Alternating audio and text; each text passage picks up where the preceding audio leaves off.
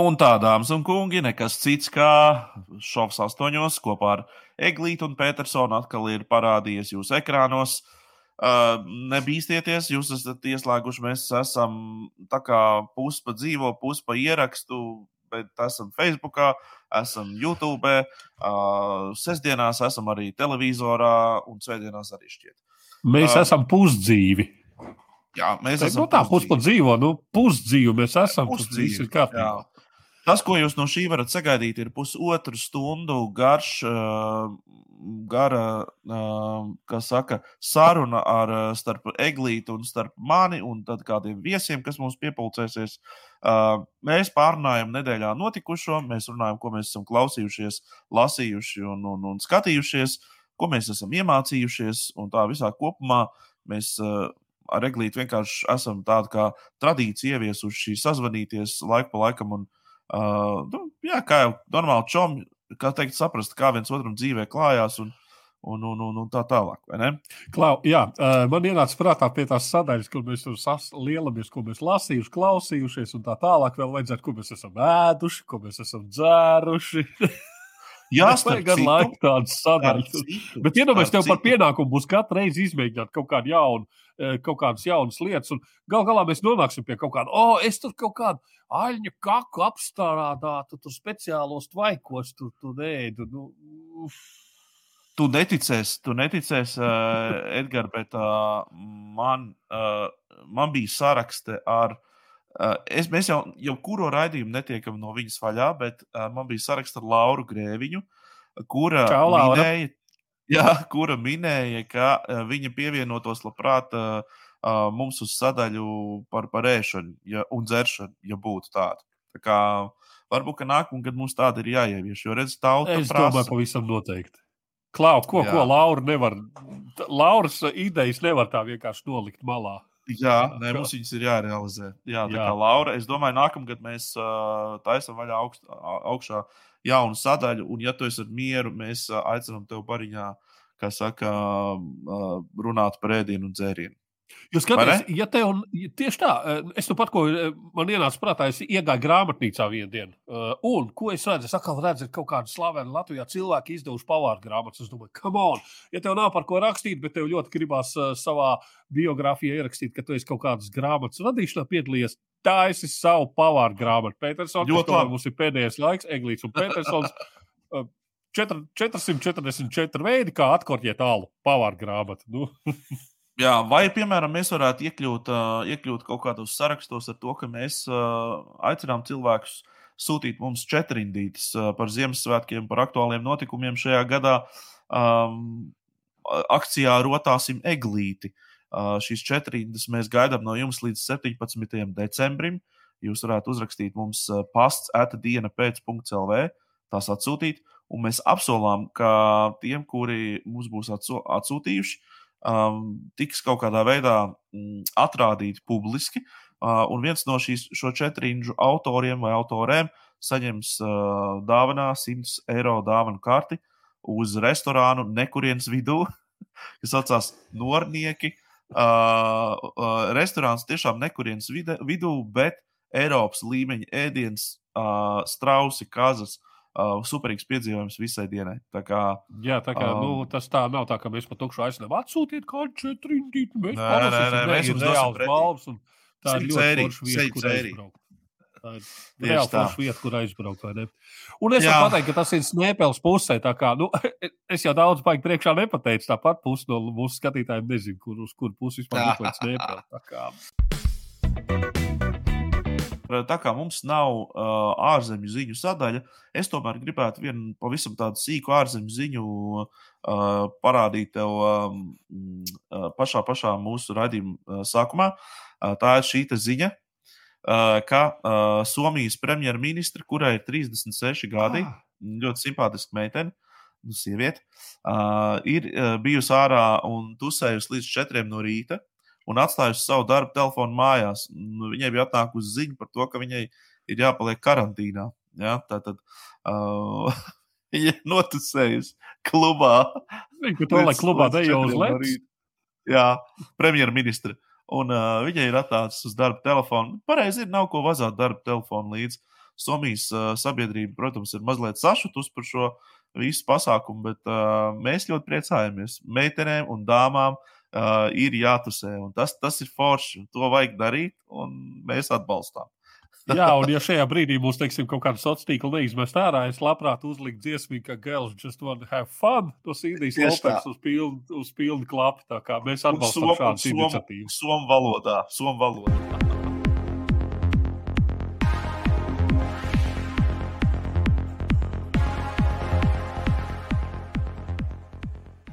Ir jādodas turnīrā, klausies. Jā. Visi brauc jā, turnīrā. Visi brauc turnīrā. Es nezinu, kāpēc mums vēl no Petersons Eglītes live show turnīra. Mēs varbūt baidāmies, ka neviens neatnāks, vai pārāk daudz mūsu atbalstītāju atnāks, vai kā. Pārāk daudz. Labi, tā... Mums tā problēma varētu būt, ka pārāk daudz. Mēs okay. teiksim, mēs teiksim ne, ne, ne, ne tas nav tāds rododendrs. Uh, Jā, mums būtu tur, nezinu, mums būtu reāli pušas. cilvēki, nevis interneta troļļi, jā, mākslīgi ģenerēti, kur, kur, kur kaut kā. Klausies, nu, tu saproti, par ko es runāju. Es runāju par, par, par, par, par Aldu Gobzemu supertūru, kur ir sākusies uh, pašā pašā ziemas spēlgonī, ja tā gribētu teikt. Un, un, un, un, un. Es kaut ko sociālos tīklos pirms tam pamanīju, ka viņš aicināja dāmas ierasties smalkā apakšveļā un milzīgos kažokos. Domāju, kas tas pa virinātāju pasākumu tagad? Bet tajā ko, pašā laikā viņš cer. Un, bet tajā pašā laikā viņš kuldīgā vienai sievietei teica, lai neapsaldē oldītas vai Uh, un, un, un, un, un kaut ko tur tādu tur, tur, tur, tur nu, izteicās. Tā kā divas dabas, divas dabas. Tautas vadonim ir jārūpējas par tautas nākotni. Un, ja nu gadījumā tā sieviete kādreiz kļūs par viņu mīļāko, kā tautas vadoņu uh, pirmo dāmu, vai kā, nu, kur viņš tādu liks ar atsaltētām oldīcām? Nu, nekur. Tieši nu. tā, tieši tā. Un uh, viņam, protams, līdzi ir arī kā vienmēr sava armija. Jā, tā tad, lūk, tie ir uzticamie bija visur. Visi vēlētāji vienā, visos sakā vienā. Labi, es, es mazliet, es mazliet muļķoju, jo šī ir uh, fotografija no agrākiem laikiem, kur viņi visi Lietuvā stāvēja un gaidīja, kad kaimiņi izlaidīs ārā no cietuma. Uh, un, uh, bet uh, bet nu, man liekas, ka šī bilde ļoti labi reprezentē, uh, nu, faktiski, nu, es domāju, tā visu notiekošo uh, un, un, un labi parāda gan, kā saka, Aldi, gan viņu sekotājs. Kā, nu, tur es domāju, ka man visvairāk visā šajā sāgā patīk, ka ir izziņot baigā turnīra, baigā turnīra. Pirmajā vietā, kur tu ierodies, tev vienkārši sašņurē un aizvāc uz, uz, uz iepriekšējās izmeklēšanas izolatoru vai aizturēšanas būri vai kā to sauc. Es nezinu, jā, nu kaut kas tāds. Nu, ā, tas ir tik skaisti, es izlasīju, domāju, ārprāts, un tas ir tikai dienas sākums. Viņam ir paredzēta katru dienu vismaz trijās vietās. Kas nozīmē, ka viņš jau uz nedēļas beigām ir apciemojis principā jau dafigā šos policijas iecirkņus. Un, un, un, un, un, un pirmajā dienā visos trijos paviesojās. Jā? Jā, jā, jā. Un, zini, kā, uh, bet uh, tas bija interesanti līdz brīdim, nu, personīgi man, kad viņš uz kuldīgi atbrauc. Uh, pēc tam kaut kā interesi man atslāba, jo visur jau viens un tas pats. Un es pirmo reizi mūžā aldi paklausījos ilgāk par desmit sekundēm, un manas smadzenes vēl tagad nav atgūšās. Bet, zini, kas ir? Uh, uh, man atkal ļoti interesēja viss tas spektrs, ko viņš izmanto kā emocijas. Viņš kliedza, Viņš ārdījās, jā, viņš tātad ar rokām, kājām spārdījās, tātad, lai mēdījos tiktu parādīts kā tāds navaļņīs, drusku tāds, nu, ka, jā, ka tāds, tāds, jā. Tad viņš lamājās, jā, viņš lamāja tos policistus, tad viņš raudāja. Vienā brīdī viņš mēģināja run, runas laikā ru, raudāt. Nekā īsti nesanāca, laikam, droši vien tāpēc, ka sals un asars sasāla un tā, bet mēs faktiski redzējām, redzam, redzējām no viņa tādu emociju spektru, uh, kur viņš tā kā aktieris iznes. Bet jāsaka, gan godīgi, ka es nezinu, vai tu man piekritīsi vai nē, bet tās runas viņš varēja tomēr labāk sagatavot. Viņš kaut kā likās, nebija tā, nu, Justins Bībers dodoties uz koncertūrā ir labāk sagatavojas. Viņš savus tekstus pārzina dziesmām, jā. Viņš savus tekstus zina, bet kas ar šito kundziņu? Kāpēc viņš nebija? Es vienkārši šis kundziņš vienkārši domā, ka viņi sagaidīs tur ar sarkaniem paklājiem un, un, un, un kā viņš tur ir domājis, ka tagad tur aizies tur 50 tūkstoši un kas tikai ne, un kur, un viņš, un tajā vienīgajā laivā, ko es paskatījos, kas bija tepat kuldīgā, nu es saku tepat, tāpēc, ka es tepat kuldīgā esmu, jā, jā, jā. Uh, viņš teica, o, mūsu šobrīd skatās tur daudzi tūkstoši, 50 vai vēl cik plus. Es paskatos, nu, uz to brīdi ir 2,5 tūkstoši. Un es pieļauju, ka lielais vairums bija arī tāda, tā kā es vienkārši aiz zinkārības. Jo, nu, tu arī skaties, mēs abi skatījāmies, mēs, mēs brīdī, to, kas notiek. Jā, nu, zinkārības pēc, vienkārši, ja tev cirks ir atbraucis pie mājas, nu, kāpēc? Zikā, cilvēkiem vispār patīk visādas nejaucības, tāpēc iet uz rulē kaut kā punduru cirki, jā, visādas kaut kādas tur, tur, tur cilvēks ar divām galvām, bārdainas sievietes un viss šitais. Nu, tā kā savā būtībā cilvēks nav mainījies un uz visādi šitādu cirku viņš labprāt pavelkās. Un te tāds tev viens piebrauc ar visu lācu, kurš iet rociņas izstieps, arestējiet man, arestējiet man, re, re, arestējiet man. Nu, nu, stulbi jau bez gala. Bet, jā, bet vienā brīdī interesi pārtrūka visu. Es zinu, pēdējo reizi, kad es skatījos, viņš jau bija 21, kaut kādas sodas savācis. Es pieņemu, ka šobrīd jau ir. Viņš bija atsīts, savācis, tā kā viņš varēja tad, tad pokerā teikt, jā. ka ir ok, viss kārtībā. Jā. Patiesībā tie, kas tādu drusku nopietnāk politikai seko un, un, un, un Aldi uztver kā tādu vienu no nu, potenciāliem nākamās, nākamā gada saimnes vēlēšanu, nu, kaut necik tādiem spēkiem, tad uh, tie, tie ir minējuši to, ka Aldis ir pieļāvis fundamentālu kļūdu sākot pārāk agri. Uh, tāpēc, ka cilvēku interesi tieši uz uh, viņu uh, noplaks, un tagad, kad sāksies īstās kampaņas, nu, kad nāks Nacionāla vienotība, JKP, ja, kad nu, sāks ap, droši vien sāks ap mārtu, ap mārtu, aprīli sāks, sāks kustēties, tajā brīdī viņi noēdīs vienkārši ar, ar ziņojumiem. Tāpēc tagad viņš tā izdauzās, viņš dabū to mazo pīķi augšā, varbūt, bet pēc tam visi viņam budžeti būs beigušies, nabaga viņi tur būs visi iztērējušies.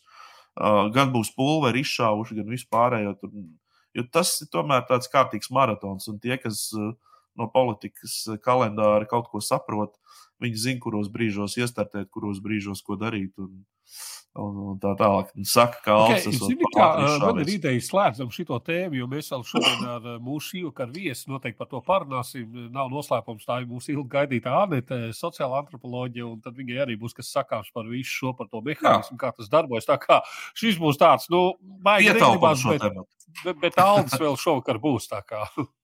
tālāk. Nākamais temats mums ir tāds, ka Latvijā ienāk uh, kombikorns. Vai kombikorns? Omikron. Omikron, omikrons. Es nevaru izrunāt viņu. Es apmēru, es zinu, ir tāda grupa.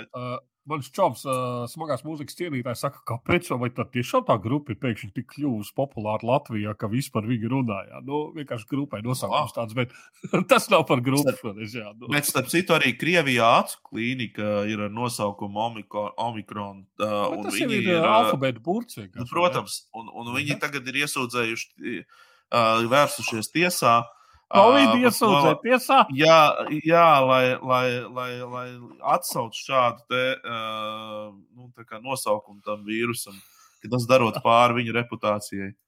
Okay, nu, labi, lai nu kā tur būtu. Tad iedomājieties, visas Katrīnas varētu iesūdzēt uh, tos, kur nosauc uh, vētras, ja par Katrīnu, kas izpostīja tur visādas, jā, vispār jau visas vētras, kas ir sieviešu vārdā. Es domāju, dāmas ir uz priekšu, nu, sūtiet tiesā, viss easy money. Obligāti. Jā, es pat oh, tajā, oh. tajā ziņā jūs pat zinat, ko sū, sūdzēt, jā, jo tur ir tas. Uh, konkrēta iestāde Amerikā, kas izdomā šo, šo vētru nosaukumu. Tā kā pat ir zināms, ko tieši iesūdzēt. Labi, lai nu kā būtu, bet jaunais vīrus paveids ir arī nokļuvis Latvijā. Tad, protams, tam bija jānotiek, un agrāk vai vēl, protams, tas notika. Te nu viņš ir. Labā ziņa, ko es tagad lasot Wall Street Journal, New York Times, redzu, ar vien vairāk parādās raksti, ka, jā, lipīgs, tā lipīgs, bet nav vairs tik spēcīgs, jau ir vājinājies, jau ir mazinājies.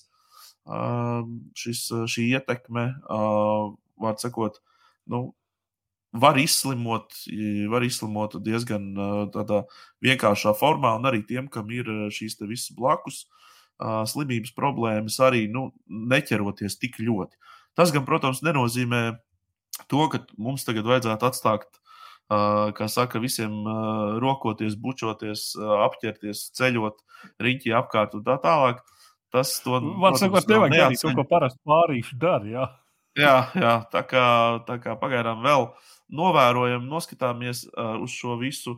Uh, cerams, ka tas ceturtais vai piektais vilnis, vai kurš nu tagad pēc kārtas sanāks, uh, ja viņš arī celsies, tad viņš tādu lielu jaunumu slimnīcām Latvijā, kā saka, nenodarīs vai ne, nenodarīs pāri mediķiem. Klau, pie šitā vēl pie, uh, bišķīt vēl uzkavējoties, es šādi tādi internetā ielien visādos, da, principā tas jau robežojas ar dārgu netu, jā. jā, jā. un, un tur viena no teorijām skaties, kas pie mums atved Omikronu. Uh, vakcinētie, jo kā viņi varēja atvest? Ieceļojot, a kas var ceļot? Vakcinētie, kas pie vis vainīgi? Loģiski. Vakcinētie. vakcinētie. Kāpēc jā. vakcinētie? Viņiem ir nauda, viņi var ceļot. Tā tad buržuļi. Latvija pēc visu spriežot, nu, palasīt Delfī plus. Uh, neatstāstīšu visu raksturu, kā, lai, lai, lai nebūtu tā, ka tu, tu, principā, tu esi kaut ko abonējis un tad tu visiem atstāstīji ja, publiski. No, no. Sakot, ir tāda ideja, ka Latvija varētu savu Covid-19 uh, versiju palaist pasaulē. Latvija var, Latvija var izskatīt Latvijas uh, Nokia. Jo izrādās, ka kādā Latvijas ūdeņu fermā uh, jau pavasarī jau bija trauksme. Ūdens tādi tādi, kā saka, nu, es izmantoju pārkāpšu latviešu valodas likumu, ne, bet kā tu to valsts valodas likumu, skoiskie tādi dzīvnieci. Viņi, uh, tas, uh, viņi ir uzņēmīgi pret Covid-19, tad viņi tur sarījās kaut kā to Covid-19 vīrusu, tad viņi sev kaut ko ģenerē, un tas Covid var uh, atpakaļ pie cilvēkiem atnākt. Un, protams, ūdeņu fermā kaut kur, kas tur baigs skatās, tur viņi tur audzē tos dzīvniekus, kaut kur sūta, kaut kur braukā, un, un, un, un, un amatpersonas kaut kā, nu, nezinu, kā cīnīties un kas un kā, var sakot, tagad tas ir izskanējis. Lasiet Delfī garo rakstu, žurnā, žurnālistiskā pētniecība un pētnieciskā žurnālistika. Tur visur darbojās. Un, un, un tā kā jā, nu, baidos, kā latvieši atkal izskatīs tādā negatīvā, ja, ja šīs piepildīsies. Jo neviens nav kontrolējis visu to. Var sakot, Latvijā savs kaut kāds Covid-19 paveids uh, rodās. Es tikai ceru, ka no tā Covid-19 nekas nesanāks, jo man bailes, ka latviešu Covid-19 varētu būt uh, nu, ja ļoti nikns. Ļoti, ļoti nikns. Tu ej atbalstīt uh, Aldi pasākumos, tu uh, nopēc akordionu, kauboju cepuri, šlāgerī. Nu, tas varētu būt diezgan briesmīgs pasākums. Varbūt ne nāvējošs, bet zinām iespaidu atstājošs protams, ka nevienam jau nav noslēpums, ka Latvijā ir ziema. Es droši vien domāju, ka oh, mums ar eglīšu balsīm arī var just, ka ziema ir iestājusies. Ah, jā. bet bet skaidrs, ka ziema, tie cilvēki, kur iet uz ielas, un es būšu godīgs, es cenšos šajās dienās pēc iespējas mazāk vispār parādīties kaut kur ārpus, ārpus ēkas sienām. Ir, ir tā, ka ir pamanījuši, ka visur ir sniegs un ledus. Uh, autovadītāji ir tā ir viena šķira, kas ir neapmierināta, bet ļoti neapmierināta ir arī gājēji. Ja mēs runājam par uh, Latvijas galvaspilsētu Rīgu, uh, tad nu, tur ir sniegs, tur ir ledus, tur ir visādi ledus kunkuļi, kas tik vēl ne. Uh, tie, kas šķūrē ceļu, tie visi uzmet virsū uh, uz, uz trotuāru, tie, kas slauka trotuārus, nomet visu atpakaļ uz ceļu. Tātad, vārdu sakot, Latvijas, Latvijas Latvijas tieši tā, kurš pirmais no rīta, pam, uh, kā saka, pa, sāk pirmais, tas, tas arī, kā saka, iegūst teritoriju. Uh, un šeit man ir atkal kaut kas sakāms mazliet par Rīgu. Es pagājušajā reizē mazliet jau šo to, šo to uh, kā teikt, par Rīgu pieminēju, bet šeit es gribētu arī mazliet turpināt to savu, uh, savu pārmetumu vilni, ja to tā var nosaukt. Uh, nu, man liekas, ka šobrīd mēs esam pierādījuši to, ka mēs vienkārši nespējam neko izdarīt eh, ša, šiem klimatiskiem apstākļiem. Latvija visticamāk jau ir noskaņojusies straujajām klimatu pārmaiņām, gaida šeit pludmales sezonu decembrī uh, un vispārējo, bet uh, ne tehnika, ne cilvēki, ne resursi uh, sniegam acīm redzot netiek uh, tur piešķirti un atvēlēti. Jo 700 būs... garus gadus neviens negaidīs ziemu šajos klimatiskajos apstākļos. Jā. Kāpēc gan ne? Un stāsts kaut kur ir noslēpies, var sakot, ieputināts. Neviens neko neko, nekomentē, var, nu, var sakot, dzīve ir baigā leputrī Rīgā. Un uh, es teikšu tā, man, uh, mana, mana tāda pārliecība ir tāda, ka tajā brīdī, kad mēs būsim uh, uh, tikuši galā ar ziemu, un mēs spēsim viņus adek ad ad adekvāti sagaidīt, tad mēs varēsim īstenībā sevi saukt par Ziemeļvalsti vai par Eiropas Savienības kādu tur attīstīto valsti. Ja? Tik ilgi, kamēr mēs joprojām uh, katru ziemu, katru uztikušo sniegu sauksim par stihiju, uh, tik ilgi, es domāju, mēs paliksim Austrum Eiropā uh, kaut kādu kūts pakaļ bijušā PSRS valsts, kas tik vēl netur. Zini, kā, tu taču zini seno leģendu, kā ik pa uh, reizi, cikos gados no Daugavas izpeld milzus savus vai kaut kādu milzīgu zivs un prasa, vai Rīga ir gatava. Un tajā brīdī, kad mēs pateiksim, ka mēs esam gatavi ziemai, viņš sapratīs, ka Rīga ir gatava, viņš aprīs to Rīgu un parauz dzelbē kaut kur lejā dibenā. Var tas būt, ir tas, kam staķis, staķis un viņa komanda tic visticamāk. Skaties, kā, skaties, kā narratīvs pārgāja. Vis, bija desmit gadi labājām Ušako. Ušakos vainīgs pie tā, Ušakos pie šī. Korupcija, korupcija. Staķis stabiņi vainīgi, staķis stabiņi vainīgi, vai ne? Bet ar citu par tiem stabiņiem arī runājot. Uh, tu esi redzējis fotogrāfijas, kā izskatās tā brauktuve, uh, tad ir tie stabiņi un kas notiek aiz tiem stabiņiem. Tur o, jā, un es, es redzēju arī internetā video, kā tur mēģina tīrīt ar to. Un, un, oi, nu, tas ir diezgan amizants. Nu, klau, negatīvi, tā negatīvi, bet Rīgas eglē ir izskanējusi pa visu pasauli. Žurnāls Forbes ir, ir, ir, ir, ir pieminējis mūsu oh, oh. Rīgā atkritumu eglu līva laukumā. Nebija šonadēļ Rīgā, nestaigāja pa vecrīgu pēc desmitiem. Būtu pamanījis to eglu. Nu, redz, nevis tikai, ko tu pagājušajā nedēļā stāstīji. Es tikai pamanīju, ka pasaulē dedzina visur eglis. À, nu, redzi, un, un pasaulē dedzina arī atkritumus, kur pretī latviešu no atkritumiem tā ir sēkla. Nu, labi, es tagad ironizēju, tas ir forši, ka izskan pie tāda līmeņa, teiksim, es pat nezinu, pasākumā, kā publikācija. Jā, jā, jā. publikācija. Bet, bet atkal, nu, vai tā ir regla, kas tev ļauj pārvietoties laikā, vai tā ir regla, kas ir no augstām tehnoloģijām? Nē, tā ir atkal no atkritumiem veidot reglu. Nu, nu, labi, tas kas nav slikti. Ietvaros, jā, tālāk, nu, kas, kas nav, slikti, protams, bet, slikti. Jā, jā. Tas ir atkritumi. Nu, zini, tas tieši, man atgādina tieši... mazliet šīs skolas, uh, zini, kā katrā skolā. Uh, ir tāds periods, kad tu, tu, nu, katram cilvēkam skolā ir periods, kad viņš piedalās visādās aktivitātēs, un viena no tām ir kaut kādas modes, kādas Un simtu, pas, simtu, simt punkti, simt procenti būs tā, kā, kā tajos modes pasākumos. Vienmēr būs kāds, kas no atkritumiem tur būs plasmas, tos uh, kulafāna cēlītes, saģērbies, tur visādus tur tolets papīrā ietinies. Nu tā, nu, uh, Tas bija 80. gados populāri, kad es gāju skolā. Tas vēl joprojām ir populāri. Un šis, man liekas, ir tieši tas pats kā Rīga. Nu, jā, nu, ka tas formas, ah, nu, reku, te foršais, nu, reku, šitas arī, nu, redz, kā viņš tomēr centies tur uz, uztīkājis sev tur tos atkritumus virsū. Nu, tieši, nu, tieši tik daudz, cik, mums, cik mēs esam spējīgi. Jā, jā, jā. Nu, teigumu atkritumiem, jā. Jā, jo, jo, Nē, nu, nu visi cieņi, protams, ir visiem tiem, kur, kas, kas tur piedalījās un kas līdzdarbojās. Tas ir. Tas Droši vien, ir, zini, kas tas ir? Uh, Edžiņ. Tas ir no. tie, nu. kas taisīja knaba, knaba aizbergu. Tie ir tie paši, kas uztaisīja tagad. Nē, nē, nē, nē, nē, nē, nē tie, tie, tie nopietnāk. Tie ir nopietnāk, tie ir nopietnāk cilvēki. Tie ir tas, tas clean air, tā ir tāda sociāla kampaņa. Bet atkal, nu, tā ir sociāla kampaņa kaut kāda nu, nedirs uz ielas. Nu, cik var ar šito iet mm. pasaulē, godīgi sakot, kaut kā tā. Divējādas sajūtas par to.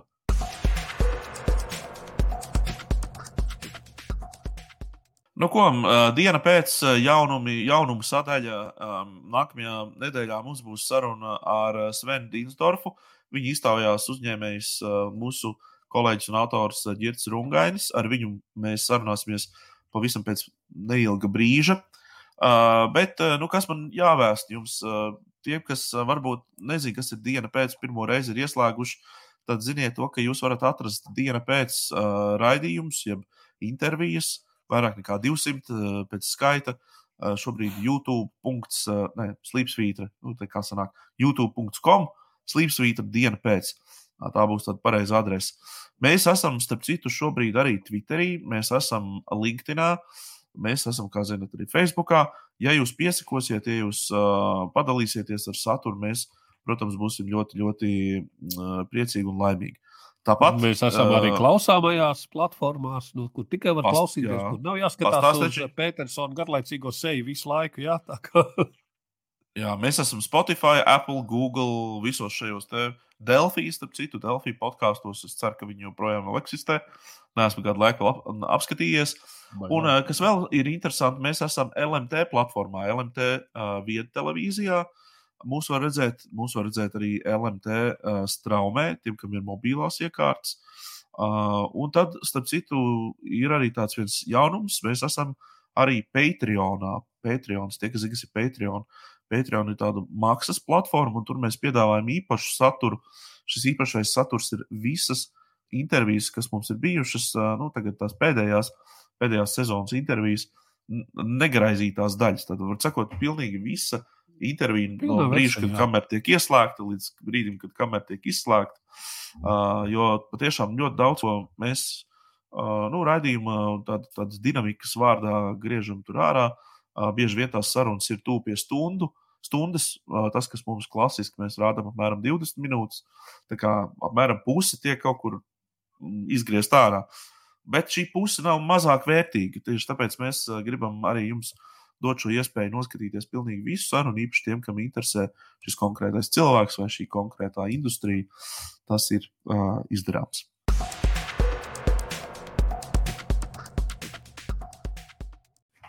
Sveiks, Girt!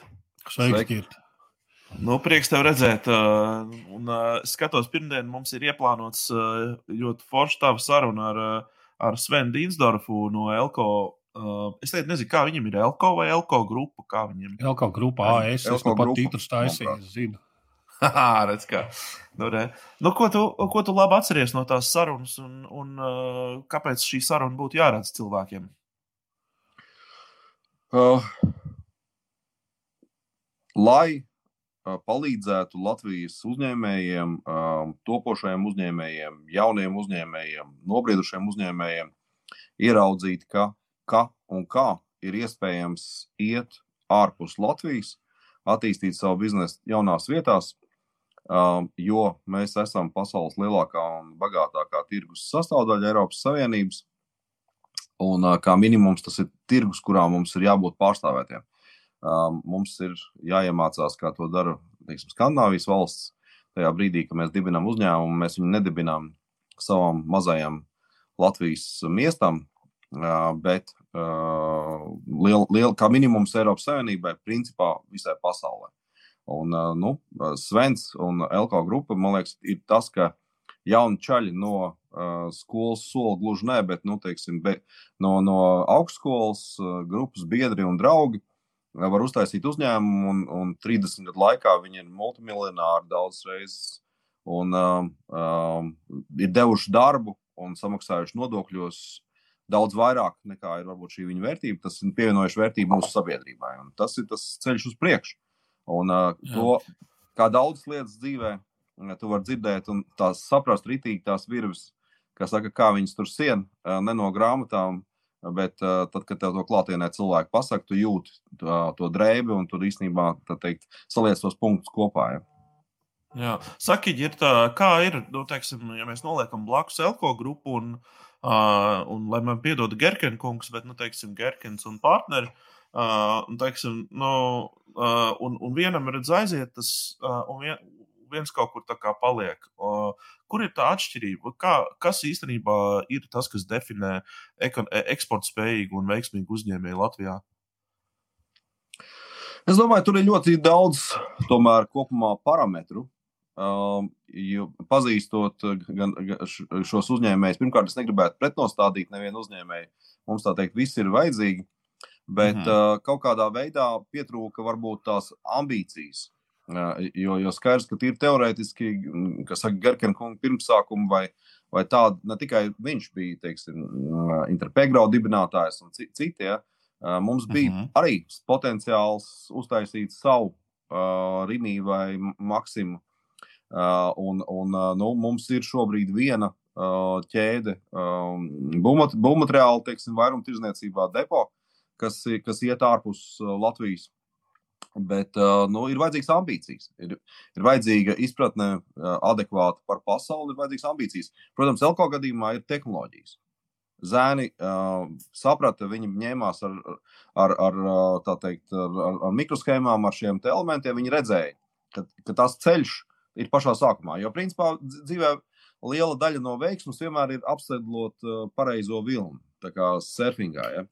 Oh, viņi uzsēdās uz, uz pareizā viņa. Viņi bija pareizā laikā, pareizā vietā ar pareizo attieksmi. Tas, tas ko es vienmēr saku, pareizā laikā, pareizā vietā ar pareizo attieksmi un pareiziem cilvēkiem. Un uh, nebūt nepareizā laikā, nepareizā vietā ar nepareizu attieksmi un nepareiziem cilvēkiem. Ja? Un, uh, nu, un tā varbūt ir tā atšķirība, bet, bet iespējas bija visur. 90. gados mēs zinām. Un uh, vēl joprojām, bet ir, jā, ir jāatsakās varbūt, no tās domas, ka nu, tagad viss ir izdarīts. Vienkārši lielā mērā ir daudz kas apdarīts iekšzemē. Un tas, par ko es mēģinu, mēs mēģinām runāt šeit, ir, ka, nu, kas saka, ejiet Latviju jūriņā. Ja, jaunais Valdemāra aicinājums ir e, e, ejiet e, eksportā, ejiet, ekspandējiet savu biznesu, attīstiet viņu citās jurisdikcijās, tur, kur ir cilvēki ar naudu. Un tas ir uz rietumiem un attīstītajā pasaulē pirmkārt. Un, un, nu, un kā to darīt, mm -hmm. mācāmies. Vēl pavisam īsi, top 101 ir ārā šogad. Te ir kaut kas, kas tev pārsteidz? Nu, kopumā tā tad ir diezgan strauja izaugsme kas saka, ja mēs skatāmies kopējo kapitalizāciju, ir daudz grūtāk, ir vajadzīgs daudz lielāks kapitāls, manuprāt, šobrīd 70 miljonu laikam, ja, lai vispār iekļūtu iekšā sarakstā 101. Un uh, tomēr ir tā sajūta, ka uh, mēs arī nonāksim tur, kur ir mūsu kaimiņi, un kur kā, kā būtu pareizi jābūt, ka privātās kompānijas ir, ir šī saraksta priekšgalā. Un la, la, Latvijas iedzīvotājiem, Latvijas, latviešiem piederošas kompānijas. Latvijas kapitālam. Uh, jo nu, tas, ka dažādi infrastruktūras uzņēmumi un monopolu uzņēmumi ir, ir augšā, tā, diemžēl, es teiktu, es teiktu ir pazīme, ka mūsu ekonomika nav pietiekami moderna, nav pietiekami attīstīta, tas miks mums nav pietiekami attīstīts. Un tas neļauj cilvēkam samaksāt pietiekami augstas algas, nedod visiem mums pietiekami augstas ienākumus. Ja, un tā nauda šeit viņas nav, te nav ko pārdalīt. Principā. Visi, kas nāk ar Jā. idejām, ka viņi labāk sadalīs, Nu, viņi nezina, par ko viņi runā. Viņi, viņi apelē pie cilvēkiem, kas nesaprot. Nauda ir ārā. Viņi ir jāpaņem, mums viņa pienākās. Vienkārši ir jābūt tādai bezkaunībai, ka visu, ko mēs darām, mēs konvertējam savus smadzenes uh, naudā, principā. Mūs, un, uh, nu, es domāju, ka tur ir ambīcijas un vēlme darīt, bet, bet arī zināšana, kā to darīt. Un izpratne. Un ieraudzīt to nākamo vilnu. To nākamo, ja šobrīd ir tehnoloģija vilnis 21. gadsimtā, ja, nu, ja tev saka, eh, nav izglītības, lai tu spētu saprast to vilnu un kaut kādā veidā viņam tur uzsēsties. Nu, vai arī vismaz atpazīt un sadarboties ar cilvēkiem, kuri spēj to vilnu, un tad visiem kopā komandā. Ja? Jo tur, protams, ir dažādas lomas, un tā nav jau tā, ka visiem ir jābūt lodāmuriem. Ja? Ir vajadzīgi arī apskaitītāji un, un tā teikt, eh, un, un pārdošanas. Citu, saka, jā, jā. Galvenā Latvijas problēma ir, ir pārdošana vēl joprojām. Ja? Jā. Kā vienmēr, labi teikt, Ģit, liels tev paldies, ka, ka, ka biji kopā. Un uh, skatāmies pirmdienas sarunu ar Svenu Dinsdorfu, Elko grupā valdes priekšsēdētāju.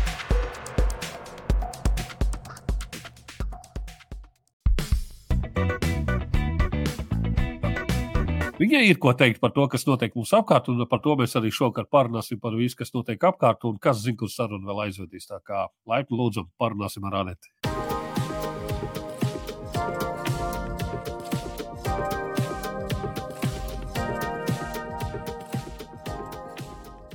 Um, jā, ja mēs reiz par cilvēku tiesībām runājam, tad mums Latvijā ir viens cilvēks, kur tiesības šobrīd uh, ir, uh, ir ļoti apspiestas.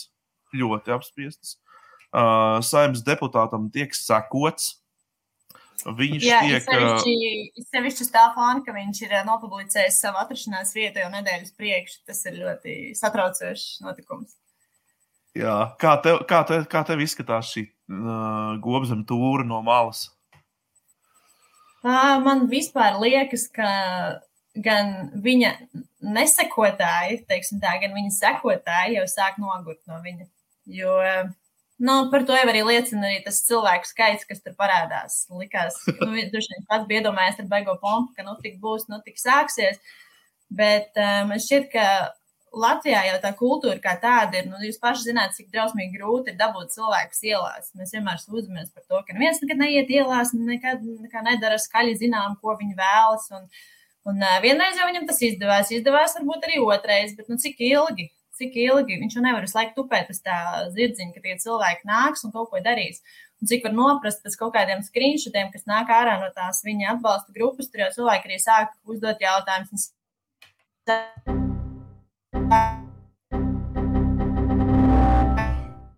Cilvēks sāk uzdot jautājumus, un teica, Jā, un viņš viņu sāk bloķēt. mm, jā. Viņš nav gatavs kas ir- runāt par šiem jautājumiem. Man liekas, mums vispār Latvijā obligāti vajag katru, ka, visu laiku vajag vienu tādu aktuālo nu, pajoliņu. Tad bija Artus Kaimiņš, tad bija Kivičs kādu brīdi, tad mēs par viņu tā kā priecājāmies. Un tagad mums ir šī tāds, mums vajag obligāti tādu vienu.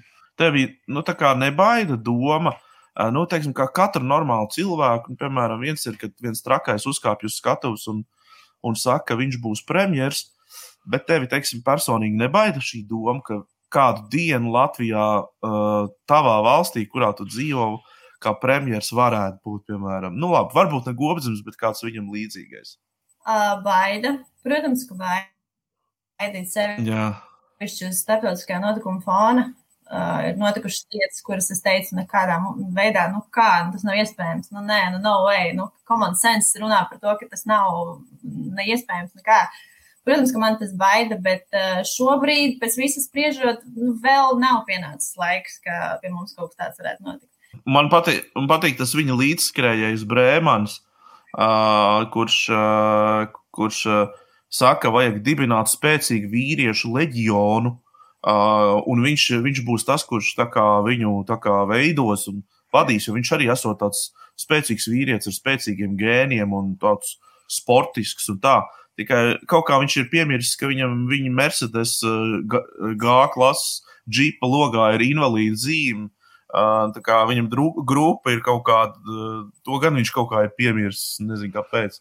Bet Tā kā- šī tāda malači jau bija. Viņi tur gāja mucenieks sargāt un ko tikai ne. Un tagad kopš tās reizes arī par viņiem vairs neko nedzird. Tie jau bija kaut kā tādi muskulīni veči, kur gāja visādas lietas darīt. Tā kā jā, jā policijas Pagaid, kvalitāte. nu, varbūt, varbūt viņš ar to savu invalīdu zīmi tagad veidos iekļaujošu sabiedrību, par ko jau gadiem tiek Jā, runāts. viņš, viņš būs iekļaujošās sabiedrības vēstnesis Latvijā. Jā, jā, jā. jā.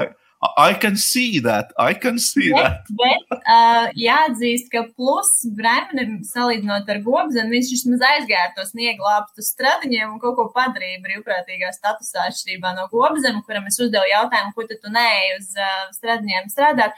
Vai redzēt, stradiņi nav pietiekami pārpildīti, un es jau nu neiešu tur ar savu lāpstu tīrīt kaut kādas seliņas. Nu, ko lai saka? Ko lai saka? Jāsaka, Nē, nu, smalkais, smalkais nevar. Smalkais nevar un Smalkais nedrīkst. nevar, jā.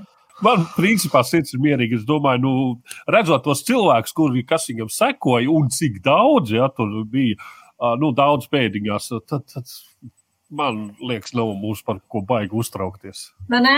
Jā, jā man ir Nu, labi, jūs man nomierinājāt. Labi, jā, ok, sarunāts. Kaut gan no otras puses, tie, tie, tie, tā ir tā pati kasta, kas ziemas pilī izpostīja, sadauzīja visu, kas tur bija. Jo tas jau viss bija pie vainas, vai ne? Ka viņiem bija grūti un viņi bija nabadzīgi. Nu, labi, tā. Labi, ko nu mēs par šito te cilājām? Te, protams, nedēļas notikums. Klausies, ziema ir klāta, un es zinu, kā Anēt ir reāls ziemas fans. Stāsti, kāpēc tā?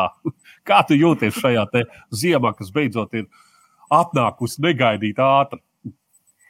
Kā es jūtos? Es jūtos brīnišķīgi. Es plānoju tūlīt, tūlīt ā, atklāt ā, slēpošanas, novošanas sezonu ar savu vecāko bērnu. Un es esmu laimīga, ka es esmu ārā no tā tumšā dubļainā novembra, kurš man katru gadu vienkārši uzsēžās uz plaušām un neļauj elpot. Mm, jā, bet uh, ko tu saki par Rīgas uh, tīrajām ielām? Nu, jā, ja sākumā tajās pirmajās dienās, kad bija tie milzīgie puteņi, es vēl varēju kā saprast, ka ok, tā intensitāte ir liela, tam var netikt līdzi, un gan jau mēs ar savām lāpstām, nu, tiem, kam ir privāti mājas, vai kas arī nespētu to tā baigi jā. izsekot līdzi un tā kā noturēt tās ielas tīras, bet tad, kad tā snikšana beidzās, un es nu pat biju izbraukusi ā, vakardien ā, pa Rīgu, un es sapratu, ka ar to visu, ka man ir pilnīgi jauna ziemas riepas, pagrieziens ir jāveic ļoti uzmanīgi. Mm. Jā, un, un tā kā liekas, nu, ka, nu, jā, nu, pat jau vajadzētu, tā kā visam vajadzētu izdarītam, un, un, un uh, ielām tīrām, sniegs vairs nav tik intensīvs, lai neteikt, ka nav vispār. laikam gaidīsim, kad uznāks atpūsnes, un tad būs labāk. Zini, kā ir autobraucēju daļa, ir vien, viena sadaļa tajā visā, bet otra sadaļa ir gājējiem. Un kas man katru ziemu nenormāli krīt uz nerviem, ir tā politika, ka gājēji celiņi ir jātīra tiem īpašniekiem, kuriem pieguļ šī attiecīgā daļa. Un tad nu, no rīta man ir jāzīmē, vai man ir jaunāko bērnu ir jāiet ar kamerām vai ratiem, jo visu laiku ir asfalts, sniegs, žļura, asfalts, sniegs, žļura. Un tad man ar crossfit ir jānodarbojas vai nu jānes kamanas vai jānes rati, jo nu, konsekventi kaut ko darīt es uz tās ielas īsti nevaru. Zini, kā ir? Es tev pateikšu, kas, kas ir. Man liekas, ka mēs sevi varēsim saukt par ziemeļvalsti tajā dienā, kad mēs būsim gatavi ziemai. Nu, es domāju, tādas lielākās pilsētas. Pasaka, tā nav. Nē, tā ir absolūti taisnība. Jo, piemēram, mēs nevaram teikt, ka mums ir atšķirīgs klimats no Helsinkiem. Helsinkiem ir tieši identiski, tieši tādi paši laikapstākļi. Viņiem ir apkušņi, viņiem piesaust, viņiem atkūst. Un kaut kā Somija bija labāk tiek galā ar to visu. Un tikai es droši vien piekrītu tam, ka jā, šī sadaļa mums ļoti klibo, un mēs esam raduši ilgus gadus kritizēt par to Ušakovu. Un šobrīd jā. Ušakovs ir dabūts no es, bet kaut kā ziemai mēs neesam kļuvuši gatavāki. Tā kā jā, tas tā ir laikam kritika vietā.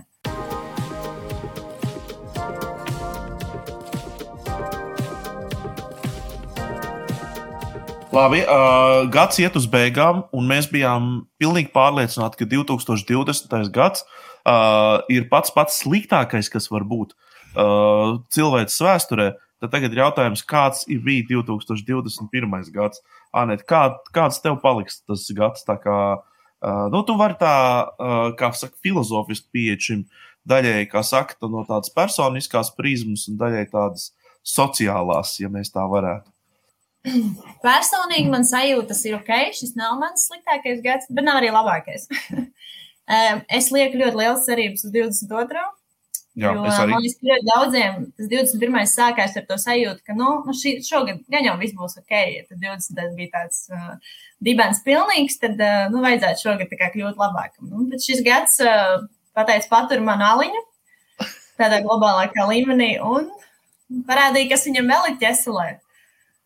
Bet, mm. uh, jā, kā lai saka, nu, protams, es ar lielām bažām gaidīju ziemu, un, un šī ziema arī atnāca, piepildot dažas no šīm bažām, respektīvi par visiem šiem cenu kāpumiem, kas ir gan pārtikai, gan, gan elektrībai, gan degvielai. Un, uh, cilvēki izjūt to, kļūst stresaināk par to. Es izjūtu to personīgi, jo atrodoties bērnu kopšanas atvaļinājumā, man ir fiksēts ienākumu lielums, kuru es nevaru ietekmēt, palūdzot kādam paaugstinājumu vai papildu darbu pienākumus. Un, mm. Līdz ar to, jā, tas ir, ir satraucoša tendence, un, un, un, un ar tādu pašu satraukumu es arī gaidu 21. gadu. Bet um, līdzās šim satraukumam es gribu saglabāt šo cerību, ka varbūt notiks kaut kāds lūzuma punkts un notiks arī kaut kas pozitīvs nākamajā gadā, respektīvi gan attiecībā uz šo vīrusu, jo um, zinātne ir ļoti strauji gājusi uz priekšu, ļoti daudz akumulējusi informāciju par to, kas notiek, ļoti ātri spēja pielāgoties situācijai. Lai gan mēs varbūt kā cilvēki mirstīgie parasti to neizjūtam uzreiz. Manuprāt, tie tempi un apjomi, kas tur notiek, ir, nu, prātam, neaptverami tā uz tā vēsturiskā fona. Tāpēc es domāju un ceru, ka varbūt nākamā gada pavasaris, es arī personīgi savā dzīvē, nākamā gada pavasarī gaidu ar tādām pārmaiņu jūtīm, ka, nu, tas būs tas brīdis, kad vai nu lūzīs, un kaut kas mainīsies, vai nu, vai nu būs cita mhm. ķesele, no kuras ir nāks ārā kāda vēl viena mhm. Pandoras lāde. Nu, tu, tu. Tu izklausies tādu piesardzīgu, optimistisku, satrauktu, tad es stresēju. Jā, jā, tieši tā, es esmu tieši tā, ļoti pareizi pateicis, es esmu piesardzīgi optimistiski, jo, nu, es esmu ļoti nogurusi no tā, ka, oh, viss ir slikti, ak, šausmas. Man arī bija tā panika un stress, ka tikko sākās tie, tās runas par jauno variantu, kas parādījās. Tiešām es biju Maltas viesnīcā, un man man, es ne, nemelošu, man vēmēts uznāca. Es nevarēju nu, fiziski normāli justies. Tur bija pilns ar cilvēkiem, tie brokastu zālē. Zini, tā kā tajā multinē uh, aizsēž, kurā daļā bija real. Es nu, tā pasēdu mierīgi padomā, nu, bet mēs mirsim tik un tā. Jautājums, kā mēs tiekam galā tagad ar to esošo visu. Nu, cik mēs varam Jā. izdarīt katrs no savas puses ar to piesardzību, vakcinēšanos un, un vispārējo.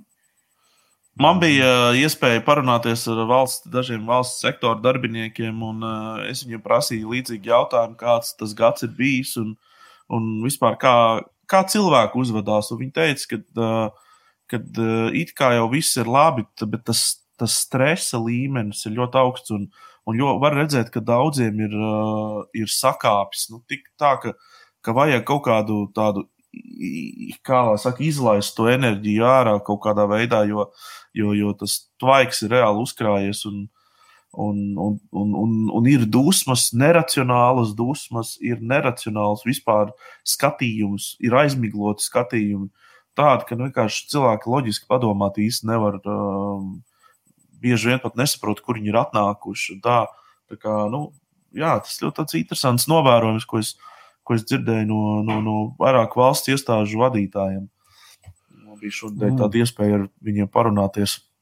Nav tā, nu, es vēl esmu pamanījis tādus cilvēkus, kā, kā, kā es sevi, kur, kur lēnām, nu, kā pie visādiem strūkliem jau pieroda. Un, un, un tu esi pieredzējis tagad uh, pārsvarā sēdēt mājās, tu esi pieredzējis pa lielam, nekur baigi nepārvietoties, nekur nevirzināties. Tu esi pieredzējis 99% savus pasaules sazināties savu telefonu, savu tā kā mēs šobrīd sazināmies.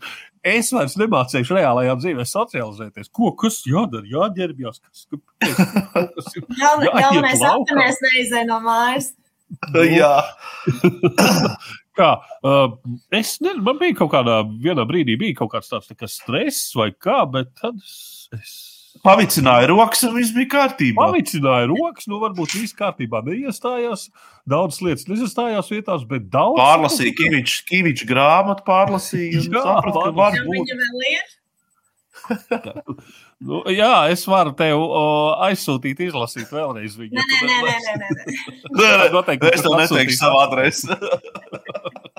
Nu, tā, tā kā uh, es nu, kaut kā piemērojos, un man tas stress ir pārgājis. Man drīzāk tā līdz sāksies stress, ja būs jāiet laukā. Tā kā otrs grāvs ir. Tā. Jā, īstenībā, jā, es laikam piekrītu. Tad, tāpēc arī man bija tā panika tajā maltas viesnīcā, no kurienes te ir tik daudz cilvēku. Kungs! Tu pati taču tur aizbrauc.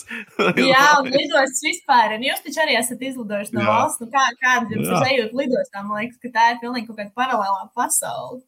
jā, Nu, jā, jā. jā, bija tāds sajūta. Jā, tā kā Spānijā, Barcelonā, kad mēs bijām, man liekas, vispār mēs esam kaut kur uz citas planētas. Viss kā. tur- Nē, nu labi, tad vēl nebija tie viļņi, un Spānijā tieši viss bija pašā, pašā apakšā. Tagad es nezinu, kā viņiem tagad iet, bet nu, arī jau zinu, kā tas, tas, tas tā.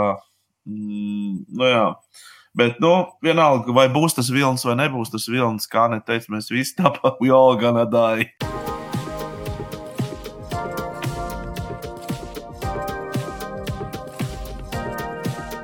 Nu, jā, es, jā, jāsaka, nākamais gads ir uh, saimnes vēlēšana gads. Līdz ar to es, es ļoti piesardzīgi skatos uz nākamo gadu. Man, man tā, tā sajūta nav vairs, varbūt, tik, nu, viņa var varbūt po, pozitīva un optimistiska tādā, uh, tādā kaut kādā labklājības, uh, varbūt, vai nodrošināšanas, vai tādā sajūta ziņā, ka, piemēram, nu, būs darbs, nu, to es zinu, ka būs darbs.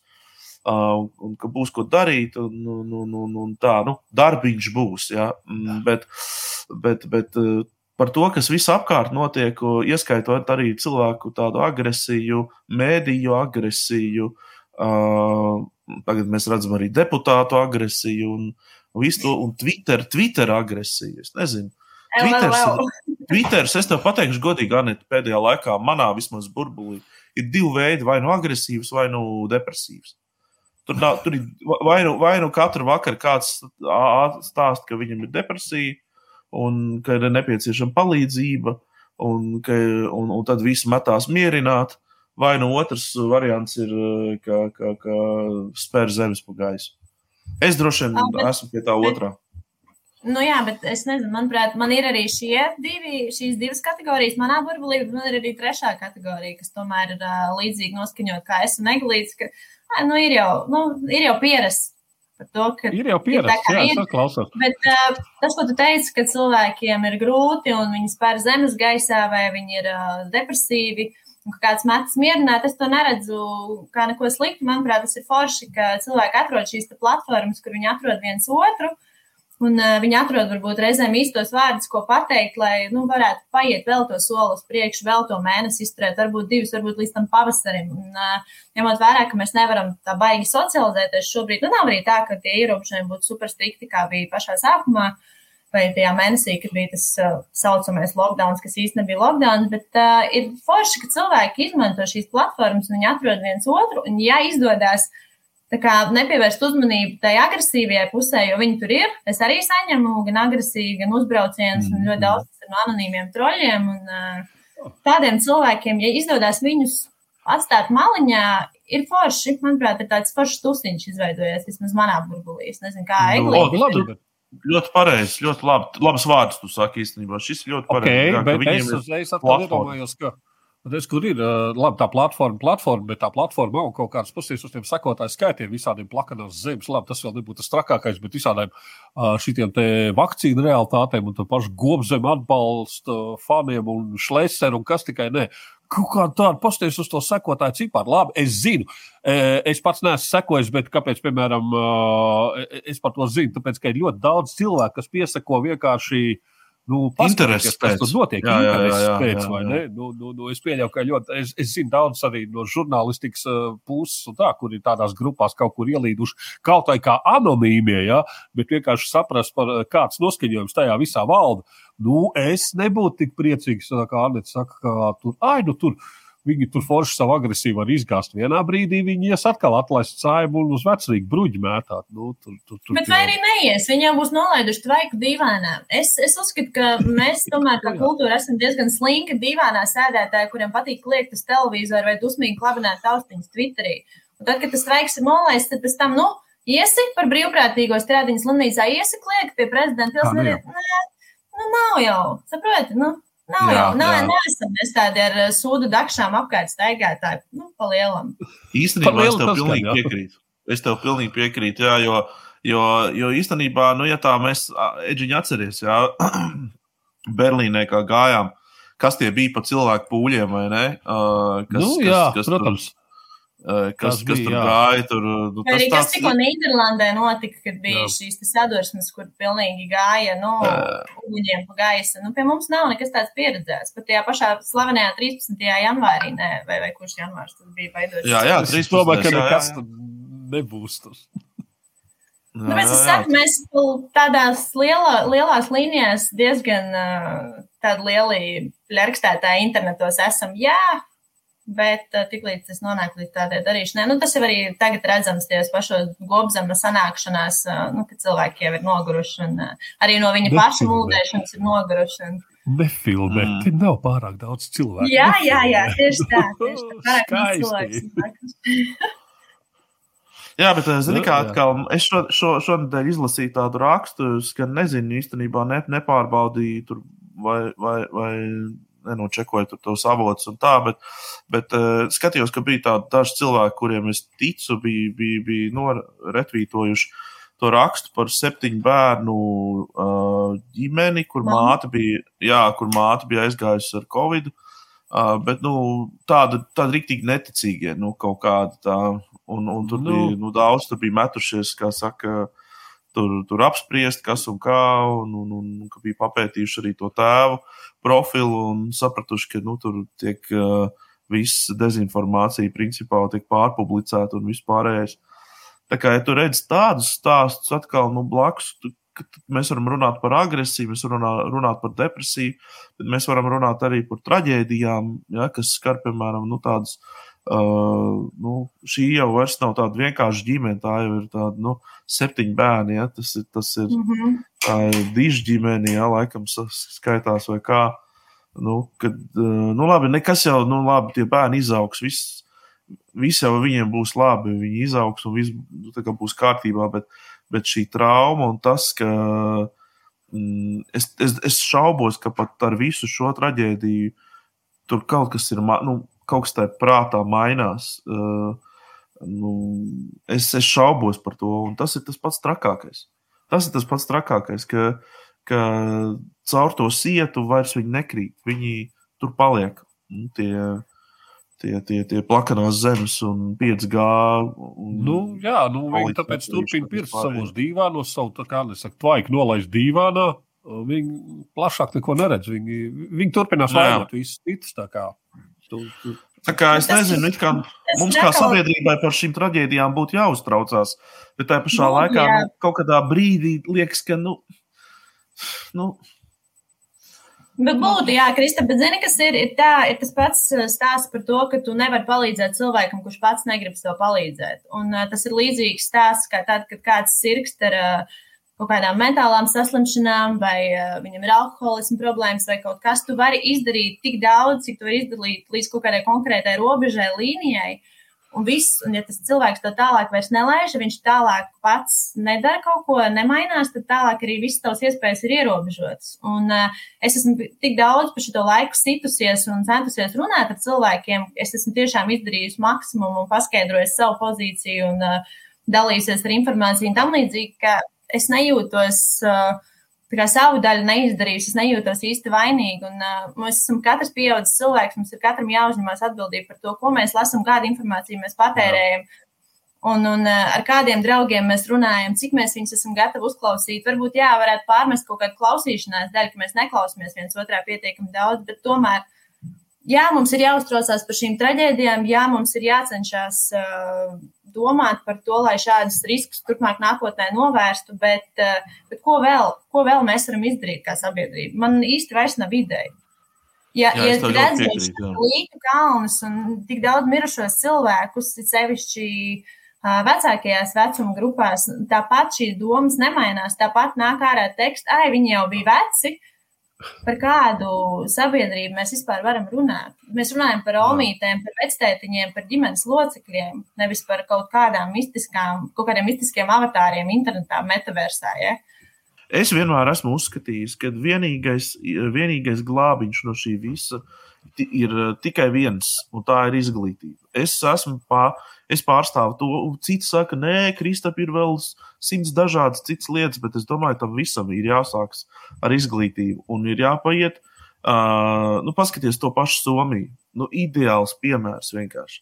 Tieši Somijas piemērs brīnišķīgi parāda, ka, ka ne tikai izglītība kā plika vienība nostrādā, tāpēc, ka Jā. Ir vēl viena lieta, kas ir viņiem kultūrā dominējoša, un tā ir proti tas, ka viņi viens otram uzticās gan cilvēcīgā līmenī, viņi uzticās, gan arī viņi uzticās tā informācijai, kas nāk no šiem zinātniekiem, kas nāk publiski saka, Elģeki, mums ir jārīkojas tā un tā un tā.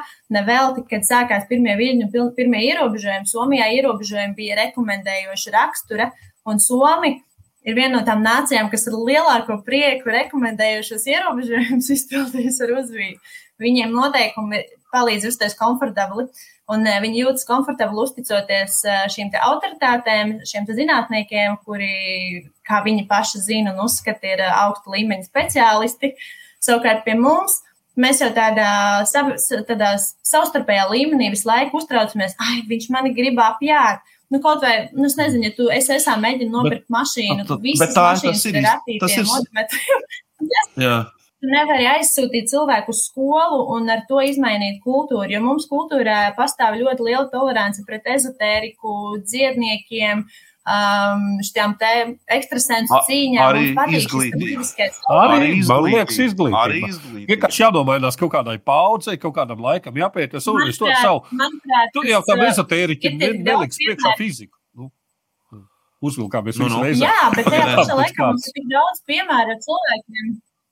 Ir tik daudz piemēru ar cilvēkiem, kuriem ir šīs labās izglītības, gan Lat kas ir iegūtas gan Latvijā, gan ārpus Latvijas, un viņi turpina maukt šo dezinformāciju. Nezinu, ar kādu mērķi viņi to dara.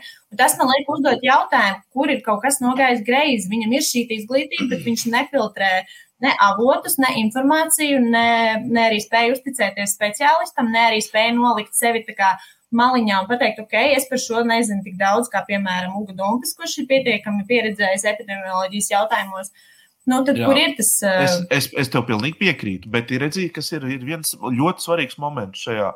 Uh, ka ir cilvēki, kuri ir izglītoti, un viņi nu, tāpat. Uh, uh, Tas ir vienkārši cilvēka dabā. Tā tas ir. Bet ir ļoti, ir ļoti svarīgi, lai kopējais izglītības līmenis sabiedrībā ir augsts. Jo tad starp tiem, kuri Jā. uh, ir šie izglītotie, protams, ka būs daļa, kas būs uh, crazy un kuku. Ja? Uh, tieši tas pats Alts Gobzems, tu jau nevar teikt, ka viņš nav izglītots. Ja? Uh, viņš ir izglītots. Uh, ja? uh, un, un, un tā tālāk. Ja? Tad viņi nav muļķi. Uh, tajā pašā laikā ir jāceļ tas kopējais sabiedrības izglītības līmenis, lai uh, tiktu radīta tāda sistēma, kurā mēs uzticamies autoritātēm, kā Somijā. Lai tiktu radīta tāda sistēma, kurā uh, mēs saprotam, ko nozīmē rekomendējošie uh, ieteikumi, jau ka saprotam, ka, ka tomēr laikam vajag mazgāt rokas drusku biežāk vai, vai ieturēt kaut kādu distanci vai, vai kā tam līdzīgi. Tas viss nāk, nāk līdzi. Un nav jau tā, ka uh, mēs tagad visi izskolosimies. Mums ir arī jāskolo savu bērnu, viņiem ir mazbērni. Tad tur ir paudžu la- laikā jānotiek šīm uh, kopējiem izglītības līmenim, kurš tiek pacelts. Ja? Un, un, un, un, un tad tās lietas aizies arī kultūrā. Jo es uzskatu, ka nav tā, ka kultūra rodas pirmā. Man, man tā nešķiet, tāpēc ka kultūra ir kaut kas, kas sanāk kopā no daudziem elementiem. Bet, tas, kas ir tas stūrējošais un stumjošais uz priekšu, ir. Es, es, vien, es vienmēr esmu uzskatījis, ka tā ir izglītība. Un man šobrīd, es, literatūrā vai kur lasot, es arī negūstu tādu ļoti spilgtu pretargumentu tam, ka, ka, mēs, ka, ka, ka kaut kur citur varētu būt atbilde uz šo jautājumu. Nu, tas tā, mans pārdoms.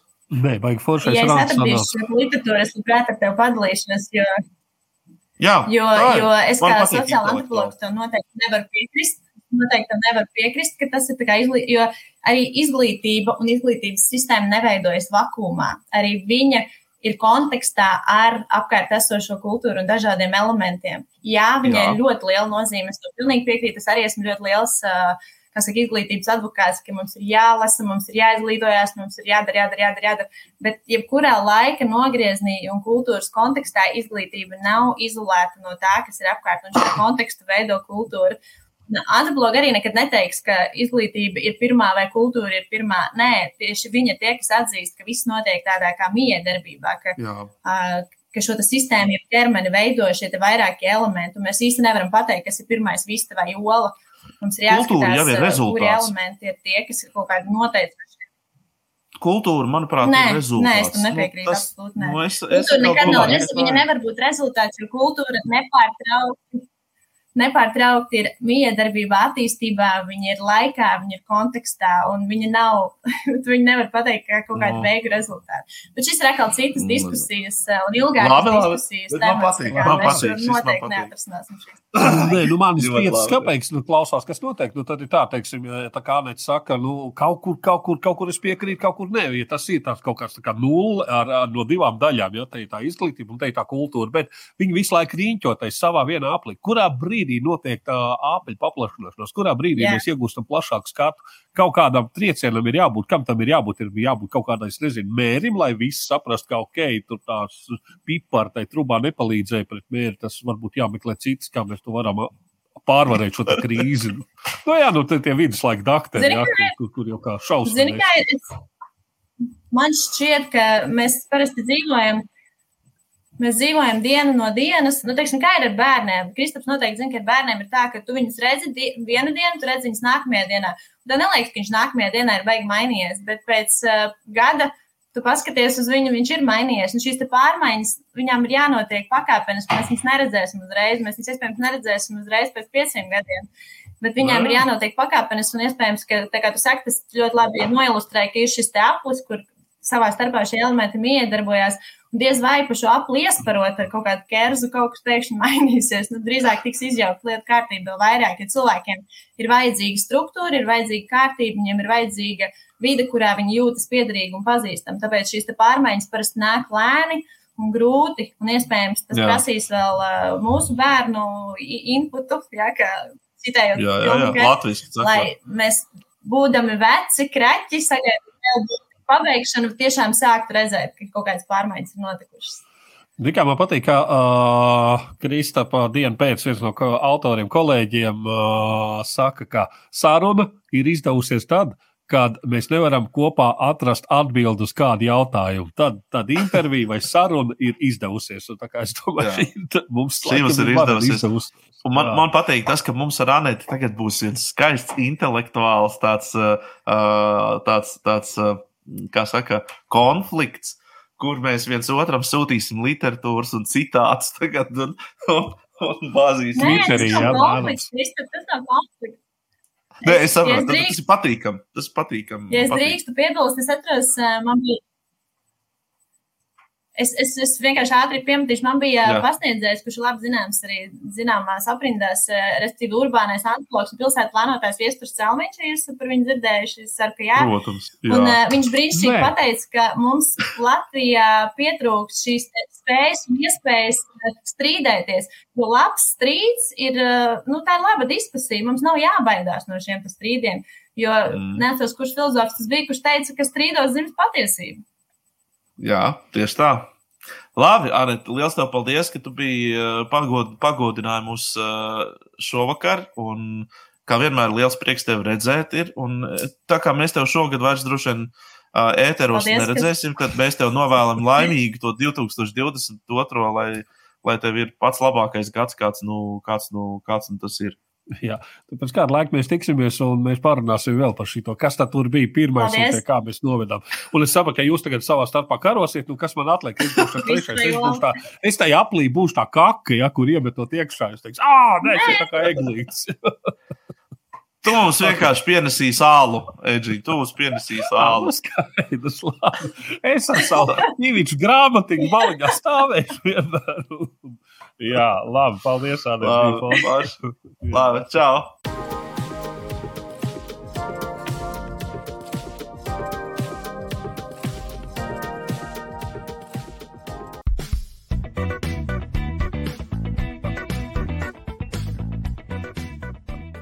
Šoreiz Twitterī būs divas daļas. Mēs sāksim ar parasto daļu, un, kad pienāks laiks nākamajai, tad, tad, tad jūs sapratīsiet, es pateikšu.